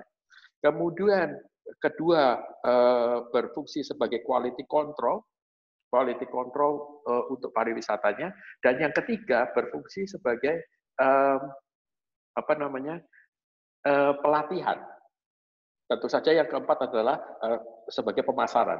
Dan di uh, perusahaan ini kita bekerja sama langsung dengan uh, masyarakat yang ada di sana, di mana di luar uh, empat fungsi itu produk par, uh, wisatanya dikelola langsung oleh masyarakat dengan cara bagi hasil. Dan itu berjalan sejak tahun 2012 sampai sekarang. Jadi dari dari teman-teman di LES itu kita berdayakan mereka mulai dari guide sampai uh, melayani di uh, homestay homestay milik masyarakat, homestaynya kita bantu uh, manajemen dan kemudian juga kita bantu pemasarannya, termasuk uh, bagaimana operasional uh, sehari harinya. Dan itu ber, uh, berjalan terus sampai sekarang. Jadi itu kita kembangkan model pariwisata yang disebut volunteerism di sana. Jadi wisatawannya datang, wisatawannya datang, wisatawannya eh, bekerja bersama masyarakat, wisatawannya juga menyumbangkan sesuatu kepada masyarakat di sana. Nah, eh, salah satu yang sekarang sedang serius dikerjakan adalah pengolahan uh, sampah plastik. Jadi di LES kami sudah maju ke uh, arah uh, pengolahan sampah plastik. Wah, luar biasa nih. Teman-teman, teman-teman yang lain kalau ada yang ingin bertanya, langsung saja ke langsung masjid, aja. langsung on aja. Langsung aja mau chat boleh, mau langsung angkat tangan atau... boleh. Ini ada pertanyaan nih, bagaimana menyeimbangkan antara kualitas dan eh, kuantitas dan kualitas diver? Adakah perbedaan antara hasil didikan klub dan dive center? Jawabannya adalah tergantung instrukturnya. Kalau instrukturnya sama antara uh, klub dengan dive center dengan standar yang sama, maka tidak ada perbedaan hasil. Kemudian, wah, uh, ini, apa lagi nih? Uh. Oke. Bagaimana dengan penyelam, khususnya yang di daerah yang tetap melayani trik meskipun tidak sesuai dengan pedoman permen par. Nah, ini, ini, ini, ini menarik nih. seharusnya permen ini diaplikasikan dan uh, dalam model aplikasi permen ini yang disoroti adalah usaha wisata selam. Nah, kalau dia ada uh, kalau dia usaha wisata, artinya dia memiliki tanda daftar usaha. Dan karena permen itu melekat pada data, tanda daftar usahanya, maka pelanggaran terhadap permen itu bisa berakibat pada pencabutan tanda daftar usaha. Nah, kalau itu tidak ditekankan atau enforcement-nya lemah di daerah, yaitu eh, saya kira menjadi tanggung jawab daerahnya. Ayo lanjut. Please. Lanjut ada ya, tadi Pak Hani mungkin. Ya, Pak Cip, uh, ya. masih ketemu dengan Pak Hadi di Bali? Terus terang kemungkinan lima enam apa lebih dari lima tahun saya nggak ketemu Pak Hadi. Oh ya ya. Uh, Ya. Saya keluyuran dengan Pak Hadi sekitar tahun 80-an naik VW kombinya itu. Aduh, saya terakhir masih uh, jumpa beliau uh, belum tidak lama sesudah Bu Hadi meninggal. Oh, ya, Sesu ya. Tidak tidak lama sesudah Pak Hadi operasi jantung. Kebetulan uh, sempat dengan Pak Hadi mengawali nyebrang ke Lombok, buka Aduh. buka di Gili-Gili itu. Nah, kalau Pak uh, kalau Lombok itu uh, pionirnya Mas Bun ya. Iya, iya. Mas ya. Bun, kemudian dulu ada apa namanya uh, Albatros siapa itu? Albatros uh, saya lupa. Andre, Andre, Andre. Andre kah Andre. Albatros? Andi Chan, Andi Chan. Andi, Andi, Andi, Andi, Andi, Andi Chan. Andi Chan. Uh, jadi kalau dikatakan bahwa pionir-pionir uh, apa industri selam Indonesia orang asing itu salah. Betul. Pionir pionir industri selam Indonesia itu orang Indonesia. orang Indonesia. Hanya saja sesudah berkembang banyak masuk asing yang Indonesianya tidak berkembang. Jadi ya. seakan-akan sekarang ada dominasi asing, tapi sebetulnya awalnya tidak begitu. Ya. Termasuk tadi yang uh, Pak sempat sebutkan mengenai kepedulian tentang lingkungan, ya. Mm -mm. Itu tahun hmm. 93 saya itu uh, termasuk tim yang menyusun grand desainnya Coremap. Tahun Coremap, ya, ya. Nah, itu kita nyusunnya yang itu, waktu, masih dengan LIPI ya? Ya, waktu itu nyusunnya dengan Pak Sarwono di tempatnya Des Alwi. Oke, okay, di, di Banda. Banda. Ya. Kita nyusunnya di situ tuh tahun 93 yang kemudian mulai jalan Coremapnya tahun 2008 sampai sekarang. Sekarang udah nggak jalan, Pak. Masih, Pak. Setahu masih, saya, masih, Pak. Set, oh, masih, masih ya? Lipi, Lipi. Uangnya masih oh, Lipi yang... Oh, balik lagi ke Lipi ya? Balik lagi. Sekarang ke KKP. Saya lihat lagi di KKP. Sekarang ya. ke KKP, Pak. Oh ya, ke, ke KKP ada juga. Iya. Karena saya ngikutin kegiatan di Coremap, it, uh, perkenalan saya dengan KKP itu melalui Coremap sebetulnya di tahun 2006. Hmm. Jadi eh, teman-teman uh, di Coremap termasuk Pak Eko, kemudian uh, termasuk ada Bang Simon, kemudian ada uh, Pak siapa Pak Amer Hakim, itu kan teman-teman Kormap semua itu. Ya, sampai sekarang masih jalan, Pak. Oh gitu ya? Ya masih. Tapi sekarang diambil KKP, dialihkan ke KKP sekarang. Oh, oh begitu. Ya, masih. Mm -hmm. gitu. Mm -hmm. Ini tadi tadi disinggung soal bagaimana mengadakan alat di zaman dulu ya, gitu ya. Zaman dulu. Ini ada ada sedikit cerita gitu ya. Jadi uh, di ya katakanlah di Bali gitu ya teman-teman kalau butuh alat yang mungkin lebih modern dari populer yang toko alat Surabaya gitu ya tempatnya Pak Datuk itu uh, mereka kan banyak tamu-tamu dari Jepang gitu ya uh. itu sebetulnya sudah berkomunikasi tolong bawakan alat ini ini ini ini gitu jadi uh. pada saat tamunya itu pulang alatnya dikumpulin di satu tempat ya sudah dihitung gitu itu itu salah satu proses gitu. Kita mengadakan alat pada saat itu seperti itu gitu. ya, ya sekarang sih lebih gampang mungkin ya. Nggak, nggak, harus bergerilya seperti masa lalu gitu. Betul, betul. Dulu kalau kita ke Bali itu uh, nyelam nyelam di tulang ben ngisi tabungnya di uh, Candi Dasa itu. Oh iya, iya. Nyelamnya di Tulamben, tapi uh, pulang balik Candi Dasar ngisi tabung di sana. Karena di sana kalau nggak salah ada siapa ya? Saya lupa itu. Pineapple kah? Pineapple ya, pineapple. Kalau nggak salah pan ya. Uh, ya, ya. tadi Pak Loko, Pak Loki, Pak Loki dengan Pak Ena Partai itu tahun 81 sama saya pernah satu kelas di Jakarta itu. Oh iya. Iya. Iya. Posi tapi Pak pendidikan itu. Iya, iya. Waktu itu. Pak iya, Pak. Saya baru satu tahun itu 81. Ayo lanjut, lanjut. Ya lanjut ya. Kita mau bahas. Jadi eh, tadi ini ada pertanyaan dari teman-teman. Yang pertama, bag, eh, bagaimana sekarang prospeknya kalau jadi apa sih? Jadi dive pro atau jadi dive instructor masih menjanjikan kah? Yang kedua ada juga minta saran nih dari Bang Acis. Bagaimana caranya meningkatkan sertifikasi di daerah yang dengan keterbatasan uh, instruktur? Oh, oh oke. Okay. Nah, itu. Silakan Mas Cip. Oke. Okay. Untuk pro, apakah sekarang masih potensial? Jawaban saya masih. Indonesia itu besar, Pak. Besar banget.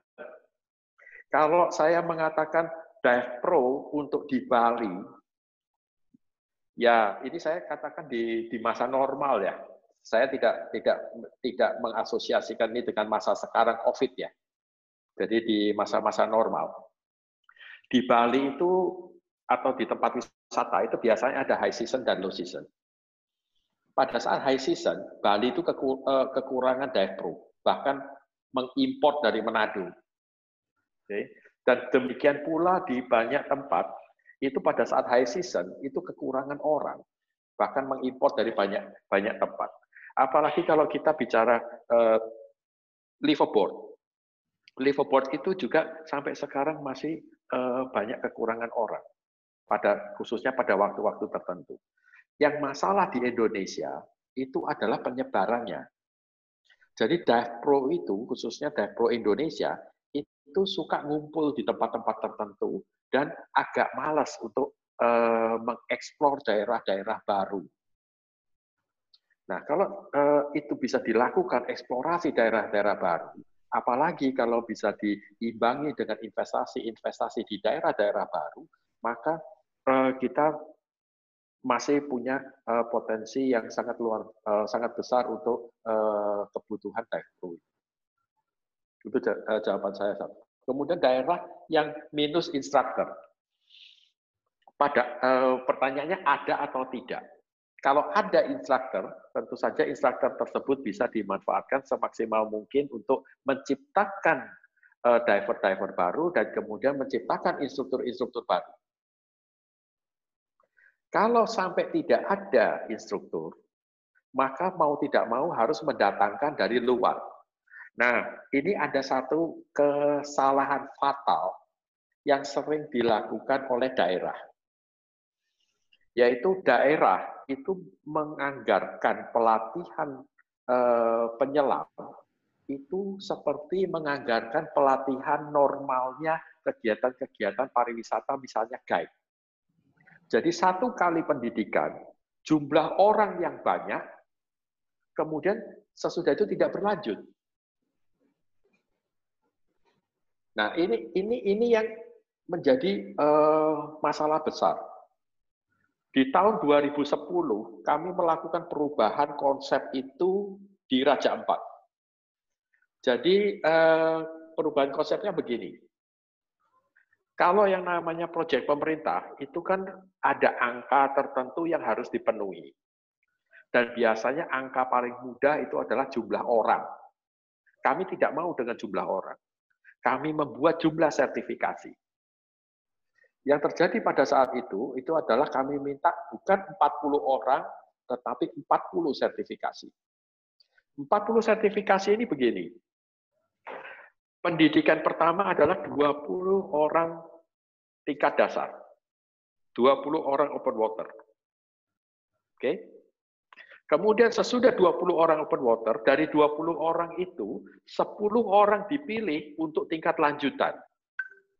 Maka 20 sertifikasi awal, 10 sertifikasi lanjutan. Nah, kemudian kan sudah 30 nih. Dari uh, 20, uh, 10 yang uh, tingkat lanjutan itu, uh, 5 ambil diambil lagi untuk tingkat uh, apa tuh namanya?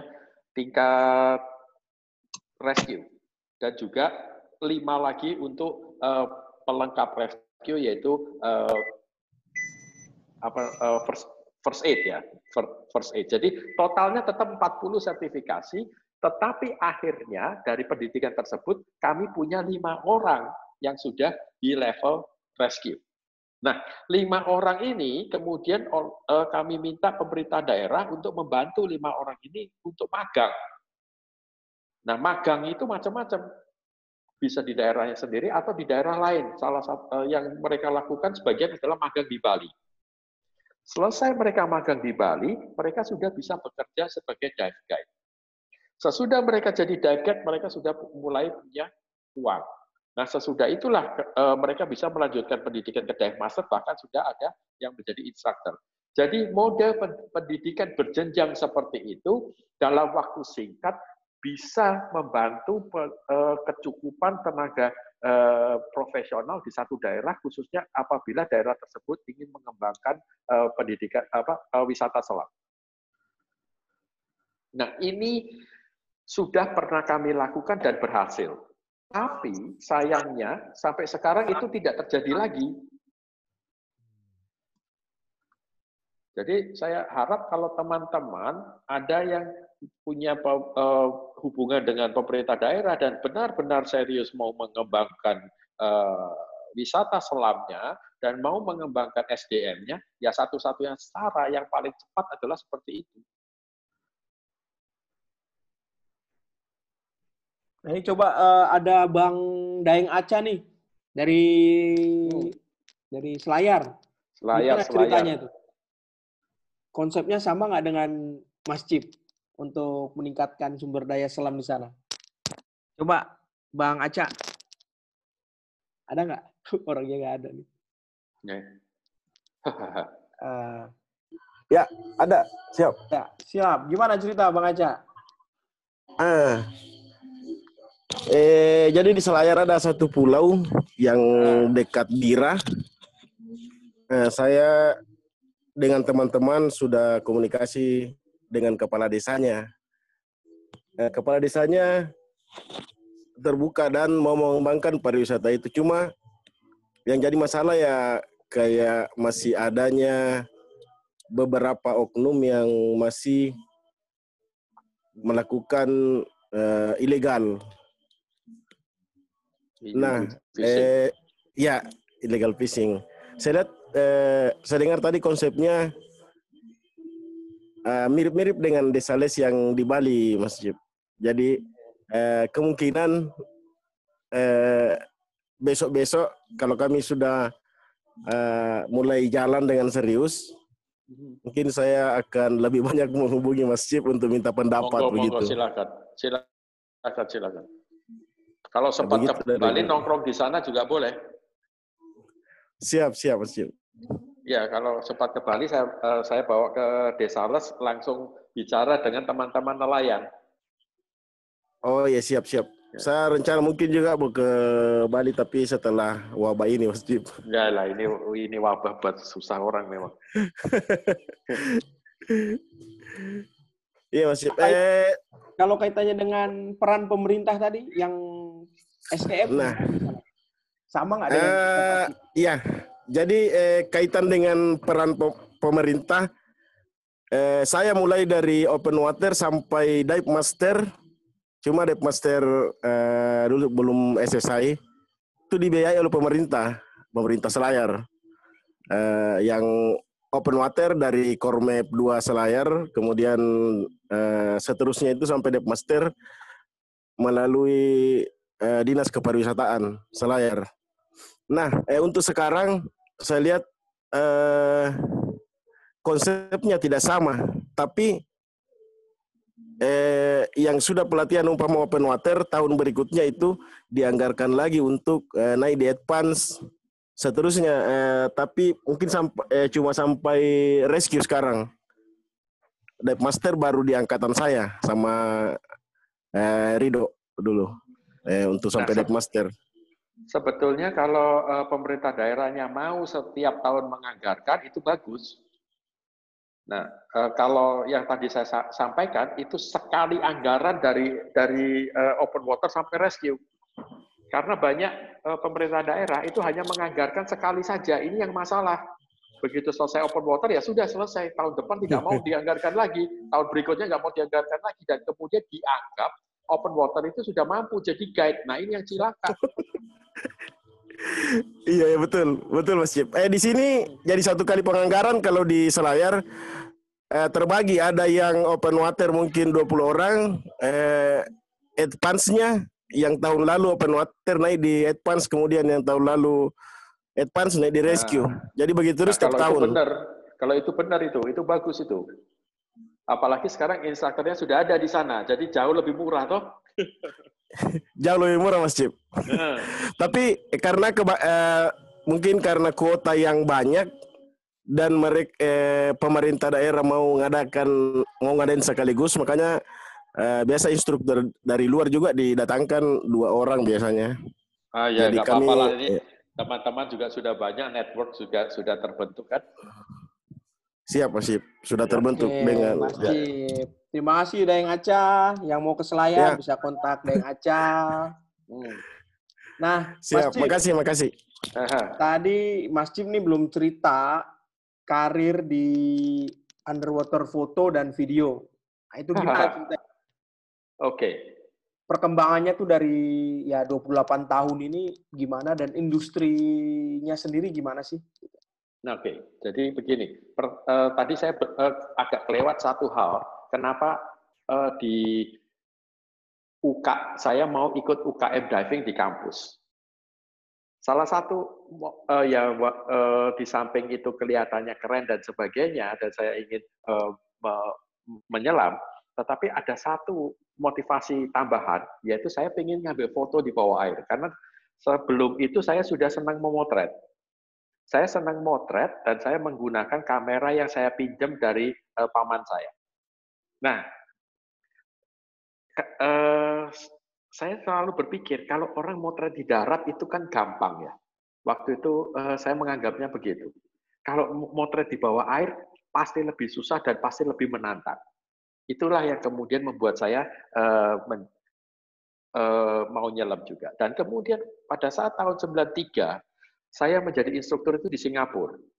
Waktu itu pendidikan diving belum uh, uh, belum ada di Indonesia untuk yang level saya itu. Kemudian saya ambil di Singapura. Selesai pendidikan diving, saya ditawarin oleh salah satu uh, distributor uh, alat fotografi di Singapura. Nih ada paket instruktur. Waduh, begitu ngelihat ada paket instruktur, mata hijau juga nih. Maka akhirnya saya belilah itu paket instruktur yang isinya kamera, housing, lampu, dan juga uh, lensa makro. Nah, mulailah tahun 93 itu, saya nyelam sambil bawa kamera. Nah, waktu itu memang uh, masih menggunakan film.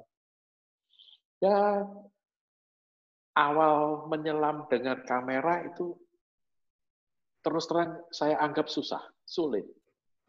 Karena saya harus mengingat semua setting dan kemudian saya tidak pernah bisa tahu apa hasilnya sampai nanti film itu diproses. Nah, itu terus berkembang sampai di tahun 2000 1995 eh, kalau nggak salah, saya beralih ke penggunaan uh, kamera SLR. SLR dengan housing, dan tahun 96, saya lupa 96 atau 97, itu untuk pertama kalinya uh, hasil foto saya muncul di majalah, yaitu majalah Matra.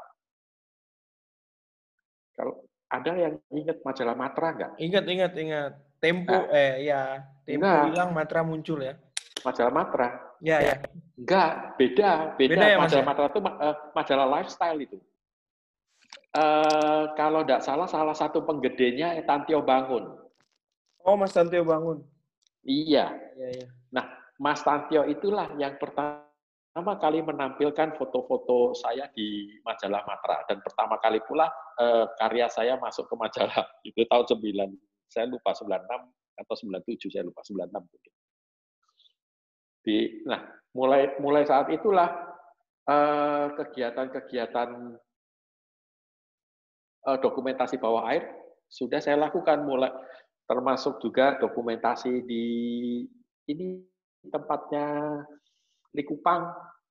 Ya, kalau kalau di sini ada Valentino uh, Tino, dia tahu di Likupang, saya pernah uh, buat dokumentasi di sana. Di Pulau Seribu pernah uh, dalam rangka pengambilan data kapal tenggelam, saya pernah di sana di Pulau Seribu. Sampai akhirnya di, uh, di Bali dan sebagainya menginjak tahun 2000, uh, saya mengalami kecelakaan. Arti, bukan bukan saya yang celaka, bukan. Slide-slide saya mengalami kecelakaan hilang tak berbekas. Jadi zaman dulu itu foto-foto itu uh, dalam bentuk slide dan kemudian slide itu ada semacam album yang kemudian di dimasuk masukin slide-slide kecil itu di dalam album itu. Nah itu satu album hilang. Dan itu saya kesal sekali itu. Satu album hilang artinya saya eh, semua yang saya foto menggunakan slide itu tidak lagi kembali lagi. Maka saya eh, me, merubah foto, dari dari foto menjadi eh, video. Saya sudah saya mulai main video di awal-awal tahun 2000. Eh, Juga masih pakai kaset mini, sudah pakai kaset mini DV itu. Kemudian terus sampai di 2000, saya lupa 2003 atau 2004, mulailah ke, uh, TV itu menayangkan uh, liputan bawah air, khususnya yaitu Metro TV, dan uh, saya bertemu dengan teman lama saya uh, yang dari dulu yang juga bekerja di Metro TV yang kemudian mengajak saya untuk membantu Metro TV. Jadi di tahun 2003 2004 itu saya mulai membantu Metro TV dengan dua program. Yaitu program Archipelago dan Expedition. Nah, sejak itulah uh, saya banyak di video sampai tahun 2006 ya 2006 saya mulai memotret lagi tapi kali ini dengan uh, kamera digital. Kemudian dalam pekerjaan saya 2006 sampai 2012 2014 itu banyak melakukan perjalanan ke daerah kemudian melakukan assessment di daerah dan kemudian mengambil eh, data-data dan data-data bawah air tentu saja uh, adalah dengan menggunakan uh, kamera. Dan di situ uh, saya mulai mengumpulkan kembali Eh, foto-foto dari seluruh Indonesia eh, di tempat-tempat kami melakukan eh, kegiatan dan pendataan. Sampai akhirnya di 2014 itu jadi buku. Buku yang namanya Indonesia Dive Directory. Kira-kira seperti itu. Ya kalau uh, job ya dari sana sinilah. Nasional ada, internasional ada, hanya saja semakin lama, semakin kemari kan yang memotret di bawah air juga semakin banyak ya. Kalau dulu apa eh, job itu relatif enak gitu loh. Jadi kalau eh, kita ngasih harga itu nggak nggak nggak nggak banyak yang eh, pusing. Kalau sekarang ngasih harga, semua orang pada meringis. Loh kok mahal banget katanya. Lah. Iya, fotografer ya, kalah sama hobis sekarang, Om. Iya. Hobis kan ya. dia hobi terus ya bisa beli kameranya lebih iya. canggih daripada fotografer biasanya. Betul. Benar nggak tuh Mas Cip? Iya. Dan juga kalau hobis itu, apalagi kalau yang orang eh, orang-orang sudah mapan, itu kan bisa pergi ke mana pun dan break, uh, tidak perlu duit ya. Jadi uh, motret apa pun bisa, pergi ke mana pun bisa. Kemudian uh, kalau dimintai tolong uh, tidak perlu duit, jadi sehingga itu semuanya bisa gratisan. Nah, kalau fotografer yang cari makan, mah susah untuk ketemu yang uh, untuk melawan yang begituan. Dulu kartu telepon juga pernah pakai underwater. kartu telepon underwater. Nah ini saya baru Enggak. tahu nih. Enggak, ininya fotonya, covernya. Fotonya dipakai di kartu telepon. Underwater. Kartu pulsa. Gimana Pak? Foto-fotonya dulu dipakai di belakangnya kartu yang ada pulsanya gitu loh, yang waktu Oh iya iya iya ya, betul betul betul itu dicetak dicetak di, di kartu telepon iya iya betul. Iya. ya. Ya dulu, dulu uh, fotografi masih dihargai Pak kalau ya. ter, sekarang terus terang sulit sekali. Nah, sekarang kadang-kadang saya masih bisa yang bisa uh, mempekerjakan saya adalah production house dari luar. Karena hmm. mereka mereka masih taat asas. Yeah. Taat asas artinya kita baca skrip, kita uh, apa membaca apa uh, uh, shortlist dan sebagainya, memenuhi kriteria-kriteria mereka. Jadi ada hal-hal uh, seperti itu yang terpaksa harus dilakukan sekarang atau bukan terpaksa karena itu memang bagiannya untuk dilakukan. Hmm. Sedangkan yang asal motret jauh lebih banyak. Sekarang kan foto jelek bisa jadi bagus Pak dengan program. Waduh, kalau itu saya nggak, saya nyerah Pak. itu itu fotografer sama photoshopper bedanya sedikit itu Pak. Saya masih nyimpen Pak Nikonos 4A sama Nikonos 5 masih ada saya Pak. Waduh, saya dulu pakai uh, eh, CNC motor merin dan itu hilang satu dus uh, satu satu uh, hard case itu, Pak. Waduh. Dulu pernah Pak TVRI bikin Cintaku Negeriku Pak, film Pak. TVRI saya ingat itu yang sebetulnya yang mempeloporin pertama kali underwater video itu dari TVRI. Pak siapa dulu yang dari Posi juga yang iya. sudah meninggal? Ibrahim dengan saya waktu itu Pak. Loh, enggak yang uh, saya ingat housingnya warnanya kuning. Iya, iya. Yang House, yang Sony yang, kuning itu kan? Sony kuning ya. Iya, saya, Sony kuning. Saya pernah oh, dengan iya. Ibrahim, Ibrahim oh, gitu. di Kapoposang kita satu bulan di sana. Oh iya. Ya. Kalau kapal kosong harus naik sama Sani ya? Iya. Kapal Sani Libunan. Ya, iya sama Sani ya. Nah. Itu waktu itu sempat dimintain TVRI bikin, terus kita bikin di Kapoposang, hmm. hmm. terus di Ambon sama Freddy. Hmm. Ya masih pakai itu, uh, housing besi itu. housing Sony. Nah. Iya, iya. Gitu. Oke, uh, Mas Begin, lanjut okay. lagi Mas Begin, nah, apalagi kita. Nah sekarang gimana nih Mas Cip? Uh, kan banyak di pemerintahan nih. Nah kira-kira gimana sih peran pemerintah sendiri selama ini 28 tahun ini dalam apa ya? Dalam mendukung atau berkontribusi atau akselerasi kegiatan rekreasi selam di Indonesia. Oke, saya mulai terlibat dan mengetahui dukungan pemerintah itu di pertengahan tahun 90-an malah. Jadi di tahun pertengahan tahun 90-an itu di zaman kalau nggak salah dirjennya masih Pak Yop Afi, kalau nggak salah. Itu sebetulnya Kementerian Pariwisata itu sudah melirik diving. Bahkan pada saat itu Indonesia sudah mengikuti uh, pameran DIMA di Amerika di pertengahan tahun 90-an itu dengan dukungan uh, Kementerian Pariwisata. Bah, uh, di tahun 98 seharusnya Indonesia itu menyelenggarakan DIMA Asia. Kalau kita tahu DIMA itu adalah uh, singkatan Diving Equipment Marketing Association, itu pameran diving terbesar di dunia biasanya dilakukan di Amerika, tetapi di pertengahan tahun 90-an mereka juga merambah Asia untuk menyaingi ADEX. Jadi di kawasan Asia itu khususnya Singapura, Malaysia, itu ada dua pameran. Yang satu pameran ADEX, yang satu lagi pameran DIMA. Nah, Indonesia berhasil memenangkan bid untuk mendatangkan DIMA dan berpameran di Indonesia tahun 98. Itu atas dukungan pemerintah. Tapi apa di, mau dikata, Dima Jakarta tahun 98 yang didukung oleh Kementerian Pariwisata saat itu gagal dilakukan karena kerusuhan Mei.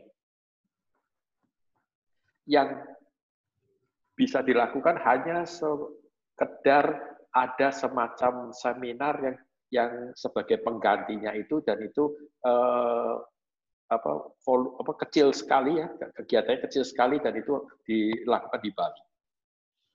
Nah, sesudah tahun 98 itu seakan-akan pemerintah Indonesia tidak lagi melirik yang namanya diving.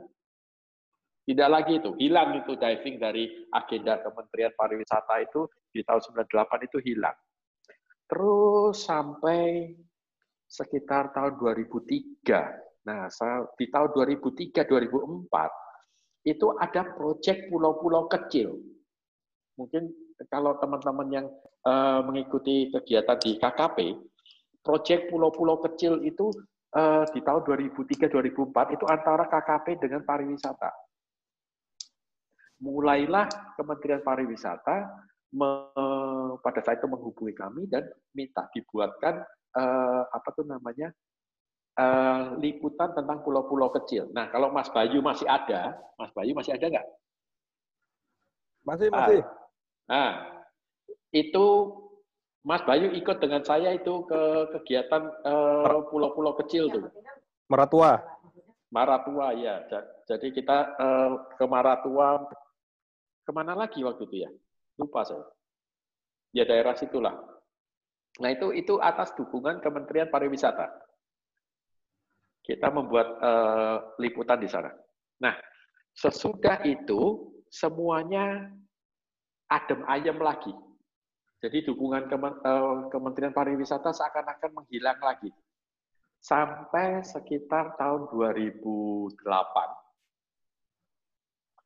mulai lagi Kementerian Pariwisata eh, sebelum itu saya lupa satu dua tahun uh, sorry ya tahun 2008 itu Kementerian Pariwisata mulai lagi melirik uh, mengenai selam rekreasi ini. Walaupun dan sebetulnya KKP sudah mengawali itu. Jadi sebelum pariwisata ngelirik ke selam rekreasi KKP duluan waktu itu yang sudah bicara mengenai selam rekreasi banyak sekali di eh, baik di ranah kormep maupun di ranah kementeriannya. Nah, awal-awal pembuatan peraturan yang sekarang menjadi peraturan menteri itu bukan di pariwisata, tetapi di KKP. Saya ingat sekali di menjelang akhir tahun 2008-2010 itu KKP minta dibuatkan uh, peraturan karena kita selalu mengatakan Indonesia ini tidak punya peraturan diving. Dan kemudian KKP mem membiayai pekerjaan awal termasuk kami mengadakan FGD di Bali untuk mulai menyiapkan peraturan tersebut. Tapi sayangnya sesudah itu yang di KKP itu kalau nggak salah 2009 terjadi pergantian menteri, eh, menteri KKP-nya berganti, dan hilanglah eh, pekerjaan ataupun kelanjutan dari pembuatan peraturan menteri tersebut. Nah, eh, peraturan menteri yang setengah jadi itu di tahun 2013 itu kembali kami ajukan, tetapi saat itu kami ajukan ke Kementerian Pariwisata, kebetulan eh, menterinya adalah Bu Mari Pangestu. Nah, Bu Mari Pangestu mengalami sendiri bagaimana buruknya kondisi eh, pariwisata diving di Indonesia yang beliau eh, lihat dengan mata kepala dan alami sendiri. Dan kemudian saya mengatakan, Bu, kalau kita tidak punya peraturan, ini akan terus berlangsung seperti ini. Akhirnya beliau mengatakan, ya jadikan peraturan itu. Maka 2014, eh 2014 ya, kalau salah 2014 jadilah peraturan menteri yang pertama. Pada konsep awalnya, peraturan menteri itu seharusnya hanya satu. Ya, peraturan menterinya seharusnya satu, tetapi karena Biro Hukum di Kementerian memotong-motong uh, draft yang kami sudah buat, akhirnya uh, peraturan menteri itu jadi ada dua. Yang satu di tahun 2014, yang satunya lagi di tahun 2016. Ya sampai sekarang kita punya dua peraturan menteri dan sebetulnya ada dua lagi pedoman yang semuanya merupakan uh, dukungan dari uh, Kementerian uh, pariwisata. Namun yang harus disayangkan adalah semua peraturan maupun eh, pedoman tersebut sampai sekarang nggak jalan. Bahkan peraturan pertama yang terkait dengan TDUP, TDUP itu tanda daftar usaha pariwisata, itu pun tidak jalan. Artinya, kalau mau berkata seperti itu, artinya semua atau 99% dive center di Indonesia itu ilegal. Karena TDUP-nya enggak, eh, tidak dilengkapi oleh eh, sertifikat usaha. Ya itulah kondisinya saat ini begini. Begitu. Tadi ada pertanyaan, kalau di daerah tidak eh, menerapkan aturan gimana? Ya itu tadi. Ada TDUP-nya, tapi eh, standar usahanya tidak jalan. Nah ini ini ini masalah memang. Nah, kenapa standar usahanya tidak jalan? Selama bertahun-tahun tidak ada perusahaan atau eh, lembaga LSU untuk mengeluarkan sertifikatnya ini. Lembaga eh, sertifikat usahanya tidak ada. Tetapi tahun lalu, saya sudah melakukan eh, satu assessment terhadap sebuah perusahaan di Bali, ternyata LSU-nya sudah ada sekarang. Tapi ya kembali lagi, karena peraturan ini tidak didorong untuk diterapkan, maka sampai sekarang pun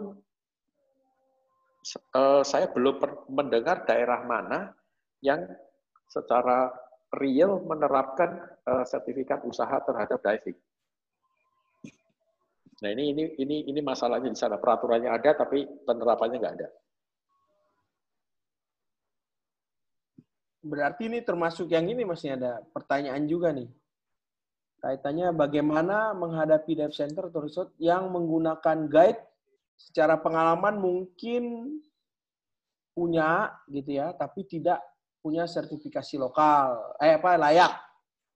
Misalnya dia eh, guide penyelam lokal tapi sertifikasinya open water gitu. Itu banyak juga kayaknya terjadi ya Mas ya. Itu gimana kita nyikapinya tuh Mas?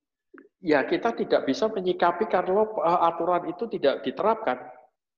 Nah, ini nanti jadi masalah kalau terjadi kecelakaan. Pada saat nanti terjadi kecelakaan, maka prosesnya akan mengikut sertakan uh, aturan yang sudah ada. Jadi di dalam aturannya ini ada ada ketentuan ABCDE, tetapi tetapi tidak dilaksanakan, dilaksanakan terjadi kecelakaan, maka di situ akan kesalahannya akan makin berat.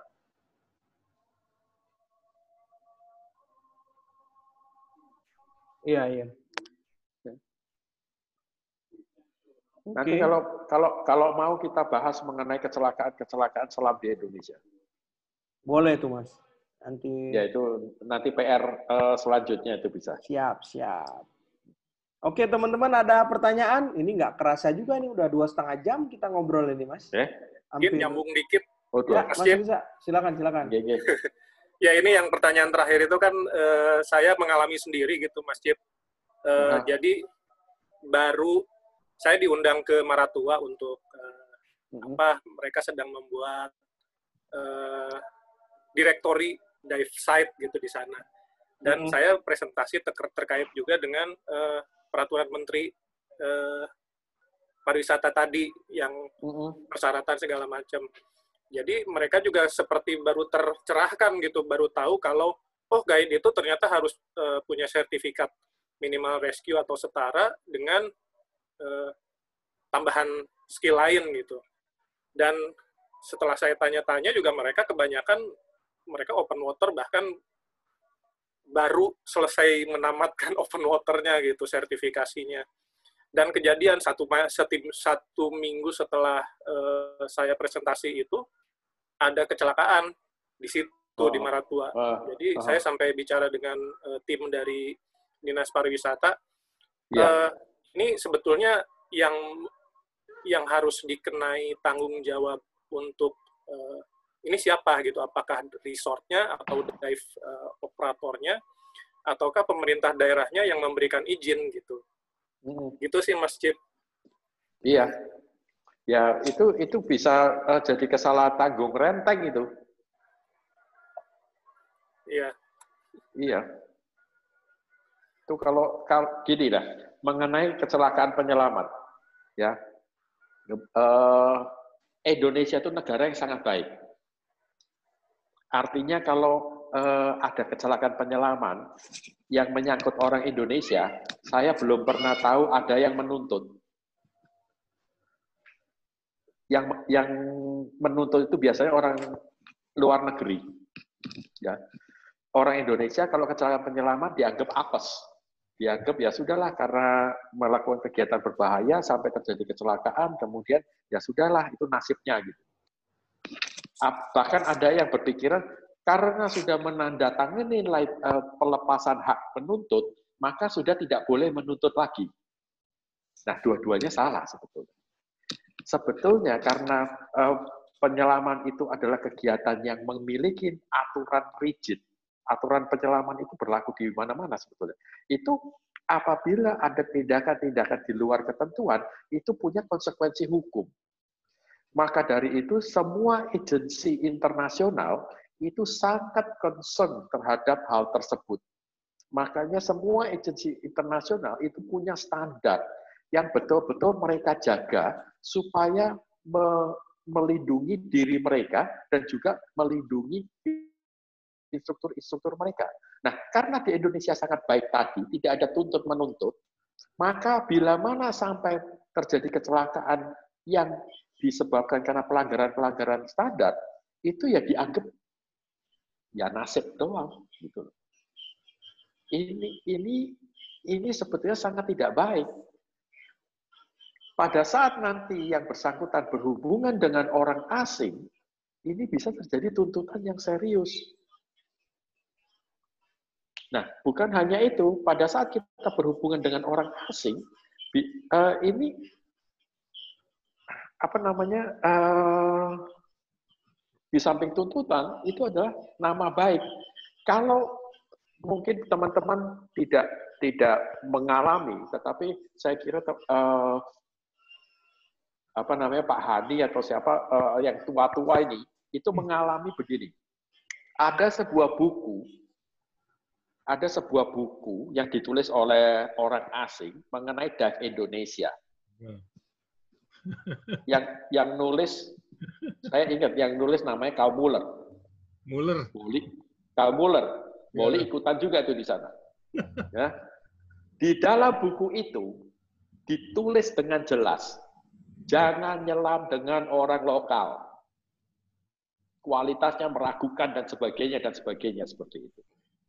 Jadi dengan kata lain, kalau kamu uh, nyelam dengan orang lokal, tanggung mati, tanggung mati sendirilah kau. Nah itu yang berkembang di tahun 90-an pada saat buku itu keluar. Waktu itu teman-teman juga sudah protes, ini kok bisa sih ada tulisan seperti ini? Nah, tetapi kenyataannya memang kita nggak punya aturan yang bisa kita tunjukkan ini loh aturannya di Indonesia begini. Jadi itu itu bersirkulasi terus itu buku. Bahkan kemudian di banyak tempat pada saat uh, diving industry ini mulai berkembang dan kemudian eh, investor-investor uh, asing mulai masuk, itu di beberapa tempat itu atau di beberapa uh, dive center itu mengiklankan diri mengatakan bahwa kami semuanya orang asing. Kami tidak punya uh, SDM lokal. Nah itu, itu menjadi nilai jual mereka. Dengan kata lain, ini kalau mau disimpulkan, janganlah nyelam dengan lokal. Lokal itu tidak punya kemampuan. Mereka rendahan saja. Kalau Anda mau aman, nyelamnya dengan yang asing. Nah ini masalah masalah yang uh, bertahun-tahun apa namanya kita uh, kita harus perbaiki dan akhirnya kita berhasil. Sekarang hal tersebut tidak lagi menjadi satu perhatian bahwa oh kalau nyelam di dive center itu harus dengan orang asing. Nggak lagi seperti itu. Bahkan eh, SDM lokal kita saat ini mendapat apresiasi yang bagus. Nah, jangan hal seperti ini dirusak lagi Jangan sampai satu, dua, tiga dive center dengan uh, kondisi seadanya, uh, dive center lokal, kemudian buat masalah, dan kemudian isu-isu itu muncul kembali. Dikatakan bahwa orang lokal tidak punya kompetensi. Nah ini yang harus kita cegah. Dulu pernah terjadi, kita sudah uh, bangun ini bersama-sama, dan itu sudah uh, sekarang sudah tidak lagi seperti itu, jangan lagi balik lagi seperti itu. Itulah. Ini Jadi uh, ini bukunya. Bukunya ada motor Indonesia ya kamu eh, itu di halaman depan-depan tuh ada itu. Di iya. saya saya saya ingat tuh kalimat itu. Waktu itu, waduh, gimana? Uh, masa orang Indonesia separah itu kah? Nah itu tuh benar-benar itu bukunya itu Underwater Indonesia. itu buku diving tentang Indonesia yang pertama kali ada di dunia itu. Ya, ya. ya itulah kalau tadi dikatakan uh, tidak belum kompeten tetapi melakukan kegiatan dan sebagainya, kemudian bagaimana apakah disanksi? Ya siapa yang mau nyang ini ini bagaimana kalau ada, eh, ada dive club yang menyelam di daerah menggunakan fasilitas dinas pariwisata tidak bersertifikat. Ya kalau kejadiannya seperti ini dan kemudian tidak terjadi apa-apa, ya lolos-lolos saja. Tapi kalau sampai terjadi sesuatu, nah karena ini dive club artinya kalau saya asumsikan dive club lokal, ya nasib aja gitu.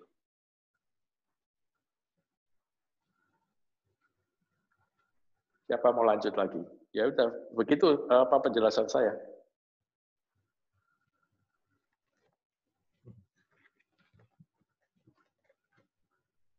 Siapa lagi nih? Bolehkah kami buat klub selam tingkat desa dalam mendukung aktivitas selam? Oh, sangat boleh sekali. Cobalah eh, teman-teman ini ke desa Les. Di sana eh, dive master, dive masternya bekas nelayan itu sangat eh, desa sekali. Itu sangat desa itu.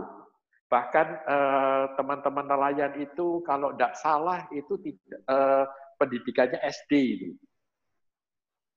Tapi harus sabar ya, karena pola pola pikirnya uh, memang harus disesuaikan. Sangat bisa develop tingkat desa mau tingkat apa pun tingkat RT bisa banget. Kalau ada Pok Darwis, kelompok sadar wisata, itu bisa digabungkan. Atau kalau ada kelompok-kelompok konservasi di desa tersebut, itu bisa di apa namanya bisa dijadikan satu itu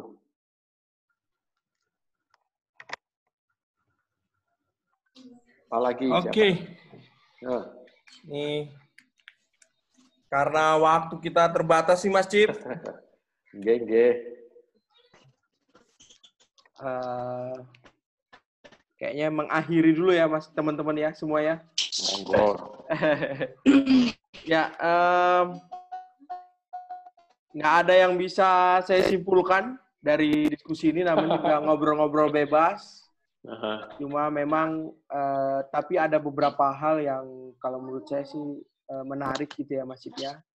Bahwa sebenarnya kegiatan selam rekreasi di Indonesia ini memang di awalnya memang diinisiasi oleh orang Indonesia sendiri tapi apa ya dari kita sendiri juga belum apa ya belum bisa ber apa ya beradaptasi lah ya. Jadi memang pionirnya kita tapi untuk keberlanjutannya memang perlu apa usaha-usaha lebih supaya bisa apa tetap survive mungkin kayak gitu kali ininya. Dan apa ya dunia selam sendiri masih merupakan apa ya kegiatan yang prospektif ya untuk teman-teman ber apa ber kecimpung di bidang tersebut gitu ya. Mau fotografi mau di jadi dive pro gitu.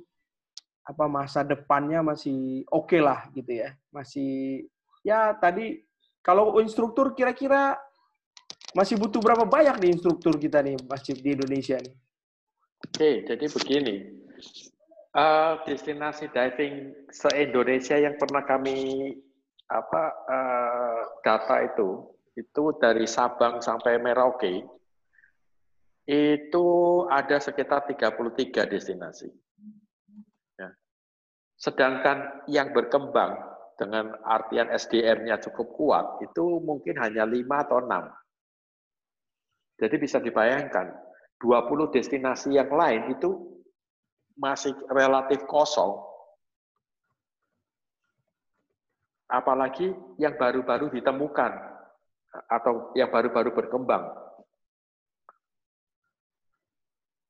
Di Sulawesi itu banyak itu di apa uh, Teluk Tomini itu udah berapa sudah cukup banyak uh, tempat itu yang di yang ditemukan itu. Itu semua semua perlu SDM. Dan tanpa SDM wisata selam tidak akan berkembang. Nah, itu semua perlu. Hanya saja maukah seseorang menjadi instruktur kemudian pergi ke daerah-daerah tersebut. Nah, kalau orang asing, ini salah satu hal yang saya cermati ya. Orang asing berani meninggalkan daerahnya atau meninggalkan tempat tinggalnya dan kemudian masuk ke pelosok-pelosok dan berkembang di situ. Ini kemampuan yang tidak dimiliki oleh orang Indonesia. Orang Indonesia cenderung pergi ke tempat yang sudah jadi. Mereka tidak eh, atau kemampuan untuk mengembangkan eh, destinasinya sangat kurang. Jadi mereka uh, misalnya cari cari pengalaman atau cari uang itu ke tempat-tempat yang sudah ramai ke Bali, ke Manado, ke uh, Labuan Bajo, yang tempatnya memang sudah jadi gitu loh. Tapi apakah mereka oh saya mau pergi ke misalnya ke Tojo Una-Una misalnya. Di sana saya mau mengembangkan masyarakatnya di sana. Waduh, saya belum belum dengar tuh yang kayak begitu-begitu atau saya uh, mau pergi ke manalah Bolsel aja saya nggak tahu nih teman-teman ada yang dari Bolsel belum? Apakah sudah mandiri atau belum? Atau masih apa namanya uh, dapat supply terus dari Manado? Yaitu kalau kita berpikirnya kita bisa mengembangkan sampai ke pelosok-pelosok kebutuhan masih sangat besar.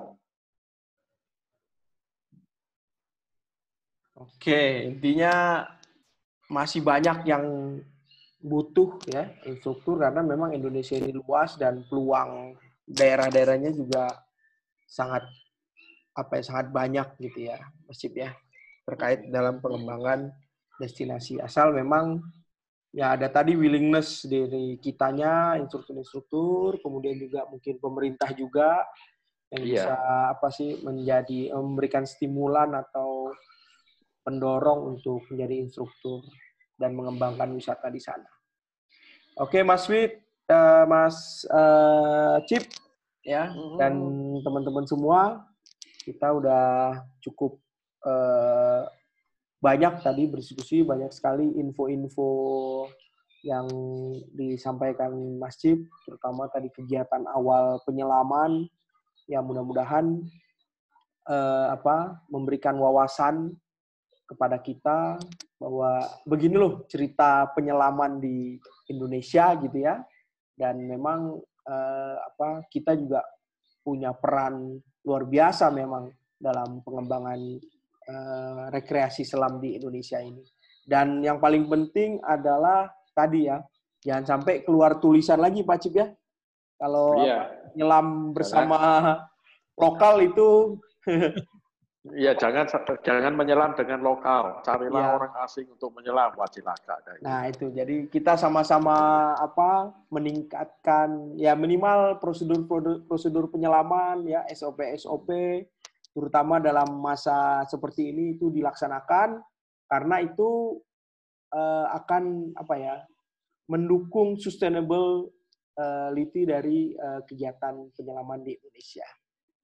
Jadi dari kami cukup untuk diskusi hari ini. Diskusi resminya Mas Cip. Mungkin teman-teman yang masih lan mau lanjut diskusi dengan Mas Cip, silakan langsung berdiskusi. Uh, untuk iya, sesi ya, ya. resminya kita tutup dulu. Saya Eri, selamat sore. Selamat Terima malam buat teman-teman. Terima kasih semuanya. Assalamualaikum warahmatullahi wabarakatuh. Silakan lanjut diskusinya.